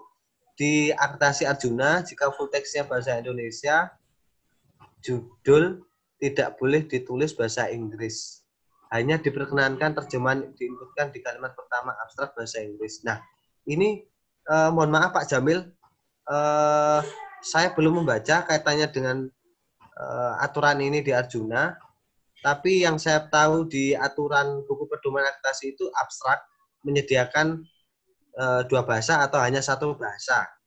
Tidak tidak mengatur judul eh, artikel itu dalam dua bahasa itu tidak diatur. Jadi tidak diatur ya. Hmm, se -se sebatas pemahaman saya seperti itu Bu kalau di akreditasi. Dan nanti mungkin bisa ditunjukkan Pak Jamil ya. Ya karena memang eh, sharing ya. Jadi mungkin mungkin saya yang kurang tahu. Nanti bisa bisa eh, apa namanya diskusi lanjut Pak Jamil. Ya, ini maksudnya kan judul sama abstrak Selama ini- ya Pak ya. Yang yang di sportif yang alhamdulillah sudah Sinta 2 juga eh, judulnya dalam dua bahasa, abstraknya juga dua bahasa. Artinya tidak dipermasalahkan, asesornya juga tidak menilai memberi catatan terkait itu di eh, hasil hasil akreditasi. Begitu Bu Sulit, jawaban saya Oke. atas Pak Jamil. Jamil sudah, sekarang Pak Nur Alim. Apakah afiliasinya harus ya Nur Alim ya? Apakah Ya. afiliasinya harus connect juga dengan link website yang terhubung ya? Iya, iya. Ini berarti yang ada di jurnalnya ya? aplikasinya kosong. Oke. eh, ini tidak disebutkan secara eksplisit, Pak. Tapi yang diminta harus ada evaluasi, eh, ada afiliasinya. Ya, harus ada afiliasinya. Begitu. Oke, lanjut bawahnya Pak. Pak, bisa dilanjut materi dulu baru jawab pertanyaan G. Sudah, sudah tadi sudah. Karena materinya sudah selesai. Tanya, tanya, tanya. Bagaimana caranya dapat research ID di Nah, berarti Di Pablon. Pak Head Evan, jenengan harus punya akun di Ublon ya. Ublon, jenengan sudah punya eh, harus punya akun sana dan eh, sudah melakukan review ya minimal itu. Yang Ublon saya kurang begitu paham, Pak Hans. Ya, nanti kita bisa sharing. Tapi eh, asumsi awal saya yang jelas harus sudah punya akun Ublon dan juga sudah memiliki riwayat mereview di beberapa jurnal. Kemudian Pak Andi, maaf Pak, apakah tidak melanggar etika publikasi ketika artikel sudah terbit tersebut namun mau ditambahkan tulis kedua. Nah, kalau ini kalau ini melanggar Pak ya. jelas melanggar ya. ya. Kalau ini melanggar karena sudah terbit, ya PDF itu tidak bisa diapa-apakan lagi karena sudah terbit. Lanjut Pak, bawahnya ada Pak eh, Pak Gilang ya, berapa masa penilaian luas tadi sudah dijelaskan. Berapa Pak? Yang Pak Gilang, PhD Pak Gilang. candidate, Oh ya, PhD candidate. ya Ini, penilaian ini adalah justru menjawab ini Pak. Kalau misal link API diklik kosong berarti ya tidak akurat. Ya, Ya, memang, ini menjawab, Eh, dia menjawab kalau Pak. Pak. dari ya kalau dari web of science tidak tidak eh, apa namanya mengendaki adanya link yang jelas adanya afiliasi tapi kalau menurut saya ditambahkan linknya eh, ke riwayat publikasi seperti aturannya di pedoman aktasi itu justru bagus karena memang di di apa namanya eh, yang saya sampaikan tadi analisis kutipan dari dewan redaksi itu juga dinilai artinya editor ini si A berapa eh, citasinya, H indeksnya berapa. Begitu. Pak Gilang, Oke. berapa masa penilaian bos Pak? Tadi sudah dijelaskan ya, 3 sampai 6 bulan ya. Sudah sampai enam bulan ya Pak. Oke. Oke. Terus Pak Evan lagi daftar publikasi saya sudah ada di Publis, tapi di sana tidak ada citasi seperti GS itu kenapa? Lalu bagaimana cara supaya saya dapat tidak dari Oke Pak, Pak ini nanti eh, kita japri ya, karena topiknya ke ke WAS meskipun eh, Publon eh, sudah saling eh, berkaitan dengan bos, ya, saling bergandeng tangan. Hmm. Kemudian, oke, siapa lagi? Tidak ada sarannya, Ah, ada. Daftar publikasi sudah masuk di Pablon ini Pak. Ini sudah tadi dijawab ya. Yang mana, Bu Sulit? Bawahnya lagi Pak, bawahnya lagi. Eh, dari Pak Dedi Rahman, Pak Dedi. ya. Om, Om nanya Itu pas- lagi, itu ya, nanti betul. Pas ajukan apakah tim mereka juga akan cek substansi penerbitan artikel? Kita kasih shoot dan password editor gitu. Oh kalau ngecek substansi penerbitan artikel iya pak. Ya substansi artikelnya dicek. Namun untuk memberi user dan password tadi kan ada opsional di di slide tadi. Kalau memang untuk mengakses jurnal itu perlu login maka dibuatkan eh, apa namanya user dan password tapi kalau sudah open access tidak perlu menyerahkan user and password. Ya. Begitu Pak, Pak Jadi Dedi, Bang Dedi. memang memang open access ya Pak. Ya, memang disarankan open access. Oke. Kemudian bawahnya Ada ini sapa-sapaan dari Pak Dudu, Pak Ramlah, Pak Todi, Pak Firial, Pak Firdaus. Ini hadir semua nih Bapak-bapak. Ada Pak Oke. Ketut juga. Kemudian ada ini pertanyaan dari Pak Anas ini Bu. ada Pak Anas ya, Pak Anas atau Pak Pak Hari ini? Pak Anas, apakah kalau tidak lulus evaluasi ada koreksi atas kekurangan dari jurnal kita sebagai perbaikan? Nah, tentunya ada Pak, ya, tentunya ada. Jadi feedback dari bos dan DAJ itu eh, kurang lebih sama. Jadi apa yang menjadi ketidaksesuaian antara kriteria yang diharapkan oleh bos dengan jurnal yang diajukan itu selalu disampaikan. Nah, sehingga ketika sudah diperbaiki, sesegera mungkin pengelola jurnal itu ngajukan lagi. Karena tidak ada embargo. Kalau yang step 1 dan step 2. Tapi kalau yang step terakhir tadi yang eh, penilaian dampak faktor ya, faktor dampak tadi itu ada embargo. Dua tahun tahun. tadi ya Pak. Nggih, betul. Oke. Lanjut nggih, Bu. Ya, ada Pak Hari Swasono ini ya. Apakah bila metadata di web berbeda Oke, dengan ini yang PDF Prof. masih Winarno, bisa Assalamualaikum? Profin. Oke. Sudah ya Pak. Ini Pak Hari Swasono udah dijawab kan tadi ya? Yang siapa? Pak Hari Swasono. Kayaknya sama pertanyaannya dengan Pak Anas tadi ya. Apakah Saya bila metadata Ah, bawah Pak, bawah Pak. Jam 10.59 ini pertanyaannya. Oh, 10.59. Nggih, nggih, nggih, nggih. Apakah Oh, ini Pak Haris. Ya. Di web tidak ada abstrak Inggris. tapi di PDF-nya ada Ada, Inggris. di Nah, PDF-nya ini ada. Beda dengan oke. Eh, untuk nah yang seperti ini masih bisa pak, karena kan di di abstrak eh, apa namanya di OJS itu kan ada fasilitas bahasa primer ya. Bahasa Inggris atau bahasa Indonesia. Ketika di bahasa Inggris berarti yang muncul nanti abstraknya pasti bahasa Inggris. Karena metadata itu kan ada dua pak. Bahasa Indonesia dan sama bahasa Inggris. Dan Iya. itu harus diisi sesuai dengan ketentuannya. Tidak boleh diisi bahasa Indonesia semua atau diisi bahasa Inggris semua. Begitu nggih Pak Hari Ya, bawahnya lagi Pak. oke lanjut Bawah ada Pak. Mujib. Ya, Oke. apakah boleh berkorespondensi dengan pihak WOS selama evaluasi? Oke, Pak Mujib boleh Pak, ya berkorespondensinya bisa melalui di lamanya Web of Science untuk menanyakan progres eh, evaluasi jurnal. Bisa juga dengan tim hostnya, ya di Web of Science itu sudah tertera tim hostnya ada siapa. Kalau tidak salah eh, banyak yang cewek kemarin saya cek. Nah itu bisa Oh, juga sudah dicek. berkorespondensi seperti itu juga bisa diperkenankan. Ngaruh ya Pak, banyak ceweknya atau enggak? Enggak, maksud saya tim tim eh, editornya ini juga eh, mungkin strategi marketing juga Bu ya. Yang, di, yang dipasang di situ adalah cewek-cewek. Karena Oh. energinya pasti beda dengan yang cowok. Oh gitu, diteliti maksudnya. Oke, lanjut lagi.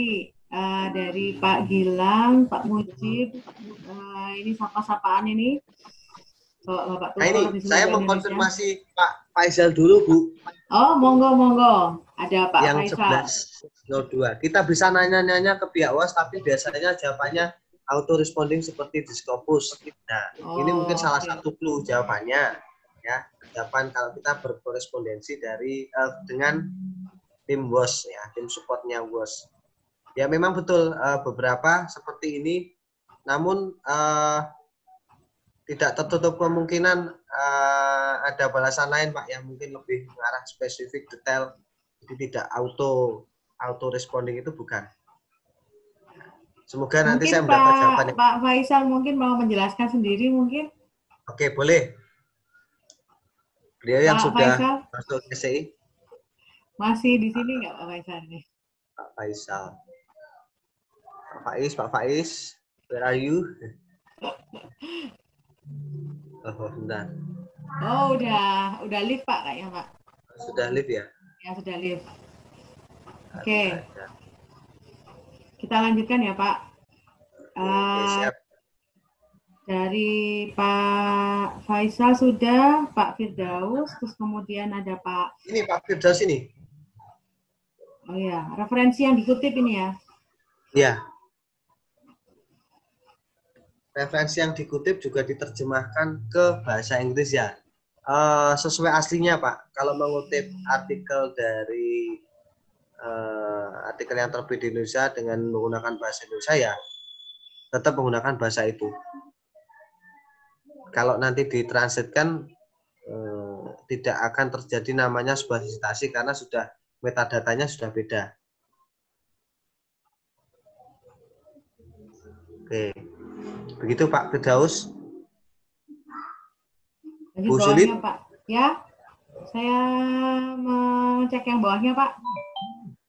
Ini APK ini Pak Arbain ini. Eh iya. Oke. Oke oke ini Pak Arbain. Nah ini Pak Ari Asnardi.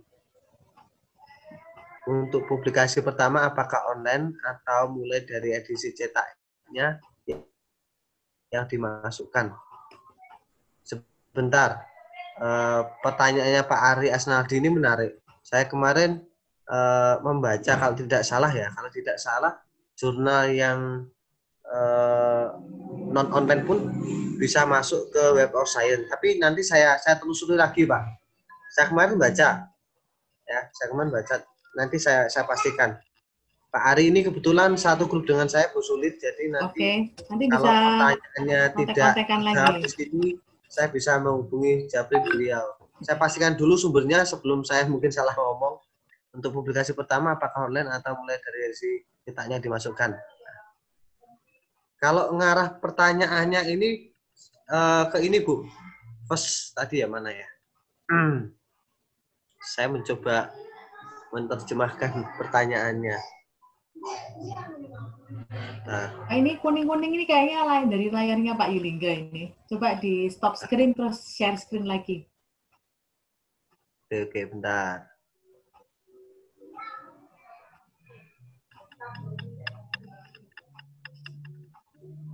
Terus share screen lagi Pak. Nah, Oke, sudah. oke, hilang ya. Nah, atau mungkin yang ditanyakan Pak Ari- Ari tadi ini ya, year of publication ini ya. Jadi ini tahun Oh, pertama betul, publikasinya betul. kapan? Mungkin Ya, yang mungkin dimasukkan ini- itu edisi cetaknya atau Nah. dari edisi Nah. online-nya first Nah, year kalau first year publication. berarti ya tahun pertama publikasi, bukan pertama kali online. Pertama ya kan? kali publikasi yang cetak berarti. Ya, pertama kali publikasi, pertama kali terbit. Bukan pertama kali terbit online. Nah, kalau pertama kali terbit online berarti dimungkinkan ada terbitan kan yang tidak online. Berarti harus tercantum di historinya jurnal yang ada yang online ya bahwa ada cetak tahun berapa gitu kan Pak. Ya, ya, sebaiknya Supaya ketika itu. Nanti tim eh, analisisnya itu ketika ngecek ke jurnal kita dia Oke. ada keterangannya oh cetaknya tahun tahun segini udah mulai baru online tahun berapa kan begitu. Ya, ya. Jadi memang eh, transparansi kan yang di, dimintakan ya. Ya. Iya. Baik, Oke, lanjutkan lanjut. Pak bawahnya. bentar-bentar tadi sampai mana ya? Eh, Bu Mutrofin, Pak, apakah benar jika mendaftarkan ke WOS wajib seluruhnya referensi berbahasa Inggris? Oh, ini sudah saya jawab tadi Bu ya. Ya, ya Bu Mut, wajib. Pertanyaannya Pak Firdaus kalau tidak salah ya. Jadi Eh, eh, memang di ini Bu apa namanya referensi yang asal mulanya dari Indonesia ya tetap menggunakan bahasa Indonesia. Misalnya artikel Judulnya. saya dalam bentuk bahasa Indonesia terbit di jurnal mana Bu Mutrafin mensitasi itu ya tetap bahasa aslinya Bu. Ya. Oke. berarti maksudnya maksudnya mungkin ini bahasa yang digunakan dalam referen referensi di, bukan di bibliografi ya Pak, tapi di referensi. Coba dipahami lagi bibliografinya di sini tadi yang dimaksud. Iya, kalau di bibliografi kan wajib berbahasa Inggris katanya. Ya. Dan mana ya tadi ya? Saya pengen menegaskan kembali. Hmm, mana ya tadi? Bentar Bu ya. Memang ini eh, yang dimaksud Bu Mut ini oh, saya tanya Bu Mut aja. Nah ini. Oh sorry salah. Halo Bu Mut. Udah. Ya, yang dimaksud referensi ini referensi yang digunakan atau bibliografinya Bu Mut? Referensi yang digunakan. Referensi yang digunakan Pak Yulingga. Jadi maksud saya eh, apakah referensinya itu harus bersumber pokoknya artikel harus bahasa Inggris ataukah bahasa apa pun nggak ada masalah gitu. Oke, eh, gini Bu Mut mengacu pada di sini jurnal should include English language bibliography information eh, yang termasuk di sini adalah judul abstrak, kata kunci eh, dan juga referensi yang dikutip. Nah, ini memang eh, apa namanya yang saya sampaikan tadi kalau misalnya artikel yang dikutip itu bersumber dari Berbahasa Indonesia Indonesia. atau bukan bahasa Inggris tetap menggunakan bahasa aslinya. Ya, selama ini sepemahaman saya, sebatas pemahaman saya tidak ada eh, pernyataan yang eksplisit kaitannya dengan ini artinya harus transit atau enggak. Tapi harapannya yang ditekankan di sini adalah eh, title abstrak keyword dan ayo dan nah ini title abstrak keyword judul abstrak dan kata kunci ini yang menurut saya eh, wajib bahasa Inggris. Kalau misalnya Mungkin- contohnya artikel yang terbit di eh, jurnal dengan full text in Indonesia kalau kita citasi apakah memungkinkan terjadinya eh, terjadinya suatu peristiwa citasi manakala metadata yang ada adalah bahasa Indonesia sementara referensi yang kita gunakan dalam UTP itu kita translate menggunakan bahasa Inggris. Bisa, Pak. Kan di dalam artikel berarti ya. Di, Apanya, Bu? Di, di bibliografinya itu kalau eh, saya memahami ini mungkin ada teman-teman yang bisa membenarkan karena ini bentuknya sharing. Bisa jadi eh, masukan dari. Bapak Ibu lebih lebih kita lebih bisa di, dipahami. Kalau cited references ini kemungkinan eh, menurut saya sih ini adalah referensi yang dikutip itu ditampilkan di bibliografinya saja yang bahasa Inggris. Kalau memang ada di kalau artikel yang di eh, di dalamnya yang kontennya itu biasanya sudah ditranslate Pak. Kemudian di di ininya Ya, di biasanya biasanya udah ditranslate kan. hmm, Ketika ketika dikutip tapi dalam bibliografinya itu dalam bahasa Inggris. Tapi judul itu karena dia proper tetap dalam bahasa asli. Oke oke oke. Mungkin bisa dibantu dari siapa ini ya yang bisa bantu? Karena ini agak problematik ya. Kalau kita ngomongin cited reference ini yang dimaksud adalah referensi yang disitasi atau bibliografinya saja. Kalau dari kalimatnya itu saya memahaminya hanya bibliografinya saja yang berbahasa Inggris. Supaya mereka bisa nge-track kan. Oke oke sebentar saya cek di sini saya tunjukkan. Ini ya. Hmm.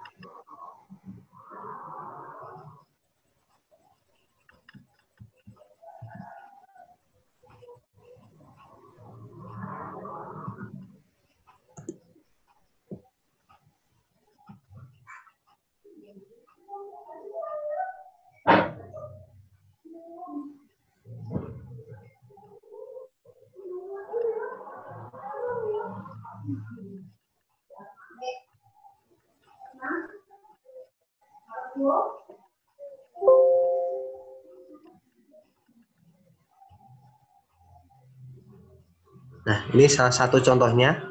Judul dengan dua bahasa, abstrak. Nah, kemudian, nah ini malah abstraknya. Nah, ini di artikel. Nah, ini abstraknya dua bahasa. Ini satu bahasa Turki. Yang ini bawahnya bahasa Inggris. Ya. Nah, kalau dilihat dari referensinya di sini, nah ini menggunakan bahasa Turki. Nah, Mo- mohon maaf. Shell screen-nya masih di PPT itu. oh masih di PPT ya? Iya. Sorry. Eh, Oke, sudah? Oke, sudah Pak. Bu Sudi, Sudah ya?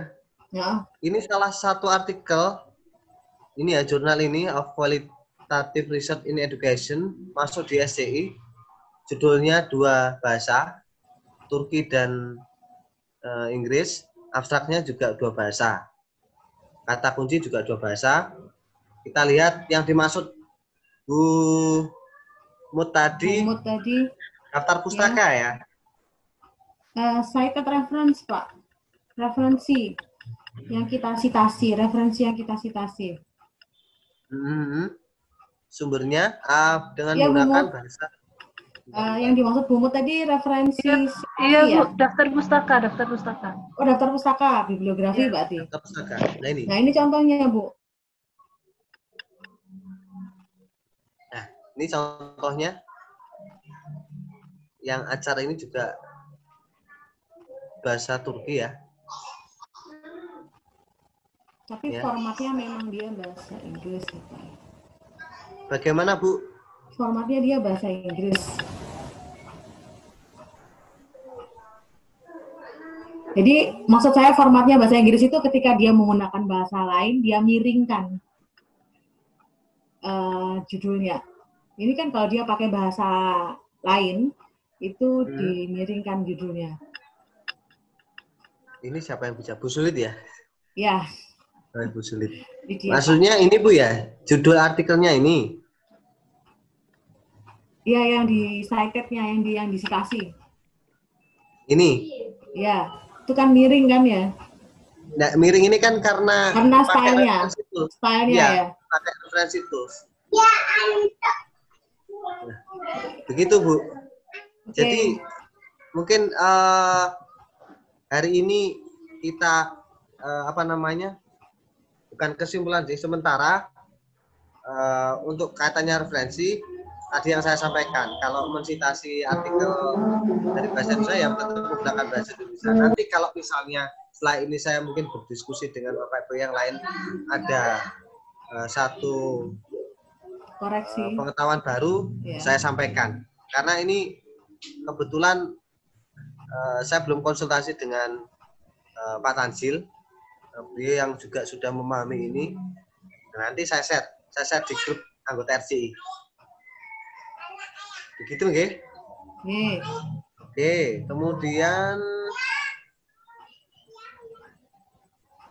Tadi sampai di Bumut ya.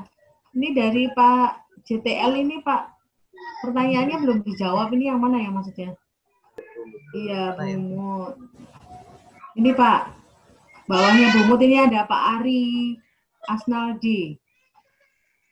Apabila kita belum seluruh artikel menerapkan plagiaris ini maksudnya plagiarisme ya mungkin ya?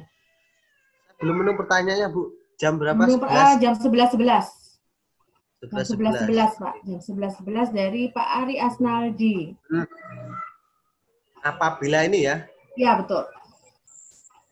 Apabila kita belum belum seluruh artikel menerapkan plagiarisme dan referensi belum seluruh berbahasa Inggris, nah ya sebaiknya harus sesuai dengan kriterianya bos Pak. Betul. Referensi belum seluruh bahasa Inggris, nah bukan referensi belum menggunakan bahasa Inggris yang dimaksud ini mungkin ya. Ya. Terus Jadi kemudian di- ada di- Pak. Dipenuhi dulu, Pak Andi. Ya Pak Andi. Editorial ini sudah dijawab tadi Pak ya. Ya sudah, boleh satu nama Pak. Pertanya- pertanyaannya tadi saya tanyakan juga. Apakah satu nama boleh? Boleh. Boleh. Kemudian eh, apakah editor harus satu universitas? Yang mana Bu? Bawah Pak. Apakah editor harus satu Ya, universitas? 11.15. Jam Nah, 11. boleh eh, di- boleh disarankan dengan eh, maaf masih ada gangguan. Apa Pak. Boleh satu universitas tapi disarankan diversity of author itu harus diterapkan juga, Bu. Baik. Jadi harus menggandeng editor dari instansi lain yang lebih mungkin lebih kompeten, punya riwayat publikasi yang bagus. Itu sarannya untuk Bu Misa. Nah, kemudian di bawah lagi eh, ada Pak Resmawan yang nge-share link Jurnal ya? jurnalnya. Terus kemudian Pak Adi, maksudnya bibliografi dalam bahasa Inggris itu bagaimana? Saya punyanya Pak Rismawan. Referensi itu. Referensi ya, cited Iya. reference. Oke. Hmm. Sudah saya cek Pak Rismawan. Tadi sudah cek ya, kita sudah kita bahas. Tuh. Pak Adi sudah terjawab ya Pak Adi referensi Iya. ya. Ya, tadi ini yang terkait dengan Ibu Mutrofi tadi. Oh gitu, Oke. baik. Eh, Ya, makasih. Ya, Oke. makasih Pak Adi. Terus Pertanyaan yang Pak JTL ini yang mana ya pertanyaannya? Boleh ya, belum dijawab CTL. Ya, saya kelewatan ini. Terus eh, ada Pak Faisal juga menanggapi pertanyaan dari Pak Adi tadi sepertinya referensi dalam bahasa Inggris itu diperbanyak karena WOS itu skupnya internasional. Ini kayaknya Nah. menanggapi Bumut juga ya, Ya, eh, Pak Adi. ya mungkin tadi. ini yang yang dimaksud referensi in English tadi salah satu caranya yang dimaksud Pak Faisal ini adalah memperbanyak eh, referensi dalam bahasa Inggris. Ya. Ya. Pak Hars ini juga katanya pertanyaannya belum dijawab. Kayak kita harus scroll ke atas ini, Pak, untuk kita cek Pak lagi. Hans. Ya, kita ke bawah dulu, Pak, sampai selesai baru kita scroll ke atas oke. lagi. Ada Pak Rahmat Aldi. Pertanyaan kami, berapa lama waktu penilaian dari bos? Untuk pengumuman berupa apa? nggih? Apakah kita boleh menanyakan perkembangan bos selama masa penilaian? Terima kasih, salam Pak Adi. Oke. Eh, terima kasih pertanyaannya Pak Aldi. Jadi, berapa waktu penilaiannya? Berapa lama waktu penilaiannya? Ini 3 sampai 6 bulan. mm, Kemudian untuk pengumuman berupa apa? Nanti dapat email langsung dari eh, tim editornya. Apakah kita boleh menanyakan perkembangan bos? Boleh. Jadi eh, di bos sendiri ada apa namanya eh, menu untuk menanyakan progres progresnya itu ya, ada. untuk berkonsultasi secara Oke, ada boleh. Nanti akan dijawab langsung, dibalas langsung oleh tim support bosnya ke emailnya Pak Aldi. Begitu Pak Aldi. Siap, Sudah? terima kasih. Oke. Pak Aldi. Oke. Baik Pak, eh, Pak Alzi sudah. Kemudian ini eh Eh, Gilik ini. eh Gilek ya, maaf saya baru ikut mau tanya pengajuan indeks WOS ke site mana ya Pak khusus ACHI. Jadi satu pintu Pak, ya Pak pintu ini, ya. ya Pak Egilik ini satu pintu Pak untuk pengajuannya. Nanti prosesnya jurnal yang dievaluasi itu akan dilakukan tiga tahap. Satu tadi eh, initial trick, kemudian yang kedua editorial trick, yang eh, ketiga eh, editorial evaluation atau yang kualitas tadi. Jadi prosesnya dimasukkan dulu ke WOS itu masuk kriteria atau enggak. Kalau masuk kriteria dilanjutkan ke yang eh, AHCI, kemudian SCIE dan SSCI. Kalau di situ tidak eh, tercover maka kembali ke SCI. Begitu Oh, iya. prosesnya. Betul, betul. Ini di menit ke 21 tadi jam 11, Pak Faisal sudah menjawab juga. SC itu pintu ke ACHI, jadi SC dulu baru ke ACHI. Nah, betul. Prosesnya SC dulu. Nanti kalau sudah tercover baru masuk ke baru ke ACI dan ACHI. bentar. Ya, silakan Pak. Mohon Oke, maaf, eh, Gih. saya oh apa Pak. Oke, eh, kita lanjutkan ke bawahnya ya. Apa biar biar diam Bu. Nggih, lanjut. Pak Resmawan, judul Pak dan Resmawan. abstrak Pak sesuai kriteria bos. Ini Iya. mungkin menjawab ya. Bilingual tadi ya Pak. Oke, diam sih. Inilah ada teman-temannya ayah ini loh. Iya, hei, teman-temannya ayah banyak ini loh. Wah, ini banyak sekali kan ya. Kata bawah. Nah, banyak atau nah itu Pak Hans. Halo Pak. Pak Zainal Arifin, Bu Miza, Pak Ari Asnaldi. Ya. Ya. Halo, Dede. Iya.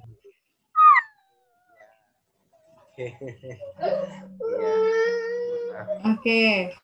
Baik, kayaknya harus dipercepat ini ya. Oke, lanjut aja Eh, Bu. Ya, indeksasi ini berhubungan dengan indeksasi lain nggak, Pak? Ini pertanyaan dari Pak Ibnu Fatpuroyana. Oke. Hai.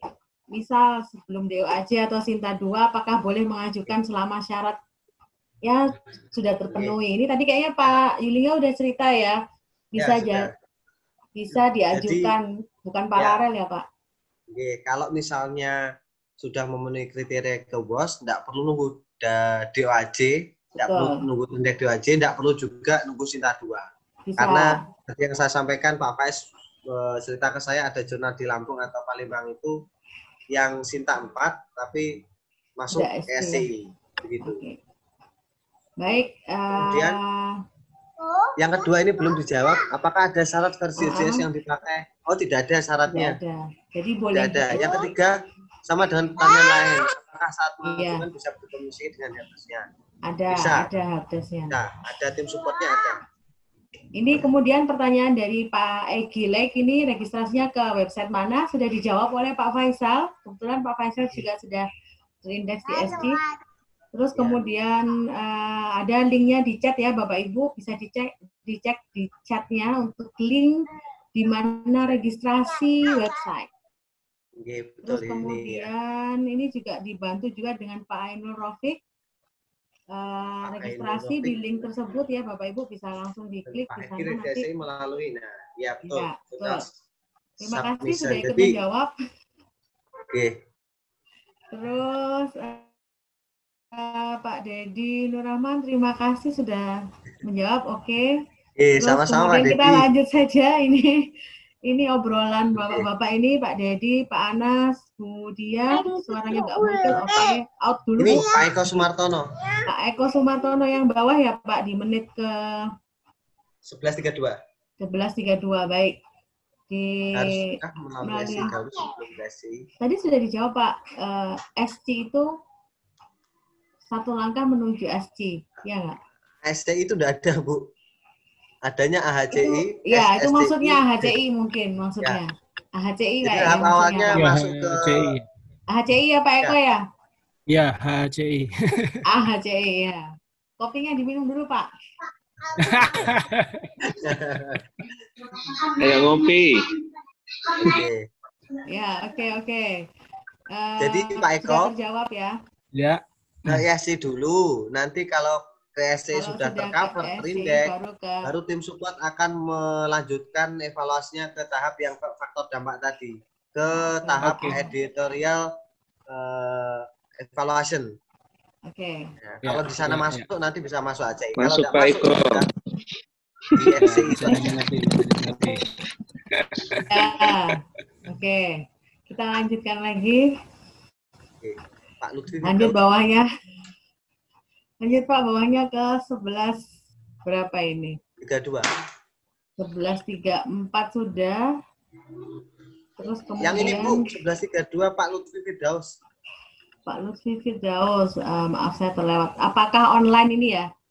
Apakah online jurnal yang hanya punya EISSN saja yang bisa apply indeksasi ke WOS? Saya tidak punya BISSN. Mm-mm. Kalau mengacu di submissionnya, biar mungkin biar tahu. Nah, di submissionnya itu ada kolom isian print EISSN dan itu ditulis please include both ISSN if applicable. Jika tidak punya print ISSN, please repeat EISSN. Artinya, kalau misalnya memang tidak punya PISSN, boleh bisa mengajukan ke BOS. Dengan catatan form yang nomor 4, pertanyaan 4 ini diisi EISSN-nya. Nah, di sini sudah ada keterangannya. Begitu ya, Bu? Eh, Pak? Betul, ya. Baik, ada tambahan mungkin Bapak Ibu mau menambahkan, kalau enggak kita lanjut ke bawah ya, Oke. ke menit ke menit. Pertanyaannya banyak sekali memang ini ya, Banyak sekali. Ya, nambah terus. 11.32 tadi ya. 11.32 ya Pak ya. Baik. Ada yang sudah pamit zuhur ini, nanti balik lagi ya Pak, belum foto soalnya. Oke. Terus eh, di 11.41 mungkin Pak. 11.41 pertanyaannya Pak Firdaus. Slide tentang minimum kriteria ini yang tadi saya tanya, apakah harus diterjemahkan ke bahasa yang sudah sebab ada jurnal yang terbit di UK, Scopus kita mencatat referensi ke bahasa Inggris. Berarti ini yang saya maksud tadi Bu ya, soal referensi kita kita pending dulu sementara. Mm-mm. Betul Bu Sulit ya? Iya, Nanti iya, kalau iya, ada Pak. informasi yang eh, mungkin bisa dipertanggungjawabkan dan lebih valid, mungkin akan saya share di grup. Betul. Jadi sudah saya catat tadi apa saja yang harus eh, saya clearkan. Ya, boleh nanti pertanyaan kalau ada informasi itu boleh nanti di-share di sosmed Pak, nanti di tag aja eh, Di mana? RJI di sosial medianya Pak Yulingga Oke. nanti tag aja sosial medianya RJI. Jadi nanti udah sama R- sama sosmednya RJI di reshare. Jadi Bapak Ibu Oke, silakan uh, Oke. follow sosmednya RCI semuanya ya. Siap, siap. Uh, Ini terus, pertanyaan uh, selanjutnya Pak Novriola. Apakah ada aturan untuk jumlah referensi yang disati dalam satu artikel? Tidak ada, Pak. Pak Novri. Tidak ada Pak ya. Halo, halo. Eh, ya Pak Has, tadi ada pertanyaan yang belum terjawab Iya, ya Pak. Yang saya mana ya, nanya Pak? lewat ini aja ya. Boleh Pak, silakan Pak. Itu eh, saya kan mau mengajukan nih, mau mengajukan ke WOS. Apakah semua artikel yang sudah sudah apa sudah publish sebelumnya harus diinggriskan judulnya atau yang yang baru-baru ini aja? Yang yang sudah terbit. Iya, yang sudah terbit berapa? Ini kan saya masuk ke volume 6. Apakah volume 1 sampai 5 sebelumnya itu juga diinggriskan semuanya? Nggak usah. Di metadatanya atau di artikelnya, Pak? Di PDF-nya? Eh, ya itu yang yang harus apakah di metadatanya juga harus diinggriskan juga? Kalau saran saya karena sudah terbit ya sudah Pak dibiarkan nanti periode selanjutnya kita upayakan untuk memenuhi kriteria GOWOS. Kalau misalnya belum a- di PDF-nya itu belum menggunakan dua bahasa artikelnya, maksud saya judulnya, abstraknya, berarti terbitan selanjutnya mulai diterapkan dua bahasa. Terus kalau periode sebelumnya itu di website itu masih dalam bahasa Indonesia, tampilannya judul, artik eh, abstrak dan kata kunci maka diterbitkan selanjutnya digunakan eh, menggunakan bahasa Inggris. Karena saya tidak menyarankan eh, terbitan yang sudah terbit itu istilahnya di diudik-udik kembali. Iya, ditarik iya. Nanti tanggalnya berubah Itu, juga Pak. ya. Iya, saya dulu juga seperti itu, pengennya eh, mau mau apa segera ajukan karena proses nunggunya enam bulan. Ternyata eh, kriteria minimumnya yaitu dan terbitan sebelumnya tidak bisa diubah kan. Oh, oke oke. Jadi eh maksudnya eh, ini aja ya apa maksudnya eh, metadatanya bahasa Inggris ya, nggak usah dua bahasa. Kan biasanya metadata Inggris Indonesia abstrak. Itu Inggris aja ya. Iya. Kalau bisa menyediakan dua bahasa di metadata di website itu juga tidak masalah, Pak. Oh, nggak apa-apa ya. di- diutamakan itu ada informasi eh, abstraknya dalam bahasa Inggris. Yang di Sama website ya. juga ya. Sama judulnya juga. Ya, ya. yang di artikel pun juga sama. Oh, artikel juga ya. Ya, Oke. Judul dalam kurung atau gimana, Mas? Bagusnya eh, tidak Usah. tidak tidak usah dalam kurung, Pak. Sama. di bawah. Hanya saja kalau dalam bahasa Inggris kan harus dicetak miring. Oh, gitu ya. Oke. Oke, Ya. makasih, Bu. Oke, Ya, sama-sama terima kasih Eva. Pak. Sudah terjawab ya. Harus. Ya, Oke. eh, kita ini ada yang minta foto dulu sebelum zuhur. Ini sudah zuhur. Eh, Oke. kemudian di menit ke-42 Pak. Oh, maaf. Ini ada dari 41 Pak Firdaus ini. Oke. Pak Firdaus. Ya, iya, Pak. Firdaus, ini slide-nya tentang minimum kriteria yang tadi saya tanya, apakah harus bahasa Inggris juga? Ini tentang referensi, Pak ya? Masih referensi. 11 berapa, Bu? 1141. Udah, udah, itu udah 11 dijawab tadi. Udah dijelaskan Mas ya? Yudi. Enggak, Oke, Udah. berarti nanti ya, Pak. Halo? udah dijawab. Udah Udah dijelaskan tadi Mas Yudi. Udah, udah. Udah dijelaskan. Sama, oh, oke, oke, Pak Firdaus. Kita lanjut ke bawah ya. Sudah, Pak, sudah dijelaskan. Oke. Ini ada yang pamit. Eh, Internasional. Ke bawah, ke menit. reference, eh, saya ini Pak Zainal Arifin ini menjawab pertanyaan untuk yang referensi. Referensi berbahasa Inggris lebih mudahnya menggunakan aplikasi. Ya, pakai aplikasi. Jadi judul artikel tetap sesuai. Betul itu yang jadi dilema tadi karena yang ditulis di yang ditulis di daftar pertanyaan tadi cited reference-nya. Yang Hmm, ini Pak Jadi, Arifin ini yang Iya. saya maksud seperti itu betul. betul. Ya, Nah, pemahaman kita jawaban sama jawaban Pak. sementara ya. Iya itu jawaban sementara. Walaupun tadi di pertanyaannya oke. ada tulisannya cited reference kan ya, harus in English. Ya, Oke. sepertinya harus tanya ke helpdesk nih nanti kita. Terus Oke. eh, Bu Dia, Bu Oke, Budi ya. Referensi mau- referensi ini mau kayak apa style? Ya, soalnya tergantung jurnalnya ya Pak. Oke, betul. Muhammad Irfan ini Bu 1150.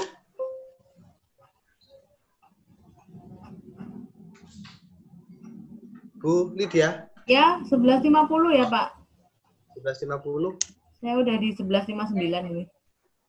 Malahan Eh, apakah minimal artikel terbitan? Ada minimal artikel dan minimal halaman Pak per artikel. minimal minimal artikel ini mengacu pada ISSN kalau tidak salah loh ya se sepengetahuan saya kalau ke ISSN itu minimal 5 artikelan ya Oke. Terus bukan akreditasi loh akreditasi meskipun sama sama tapi ini ngacunya kan ke ISSN ISSN internasional ya, ke ISSN internasional ya. Terus eh, jumlah halaman per artikel nggak ada ya Pak? tidak tidak ada tidak di, diatur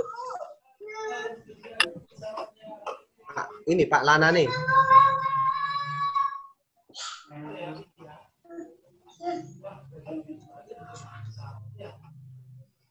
apakah boleh dalam satu jurnal mencampur gaya citasi misalnya ada EPE, MLE, Chicago. Nah, ini harusnya harusnya konsisten, Pak.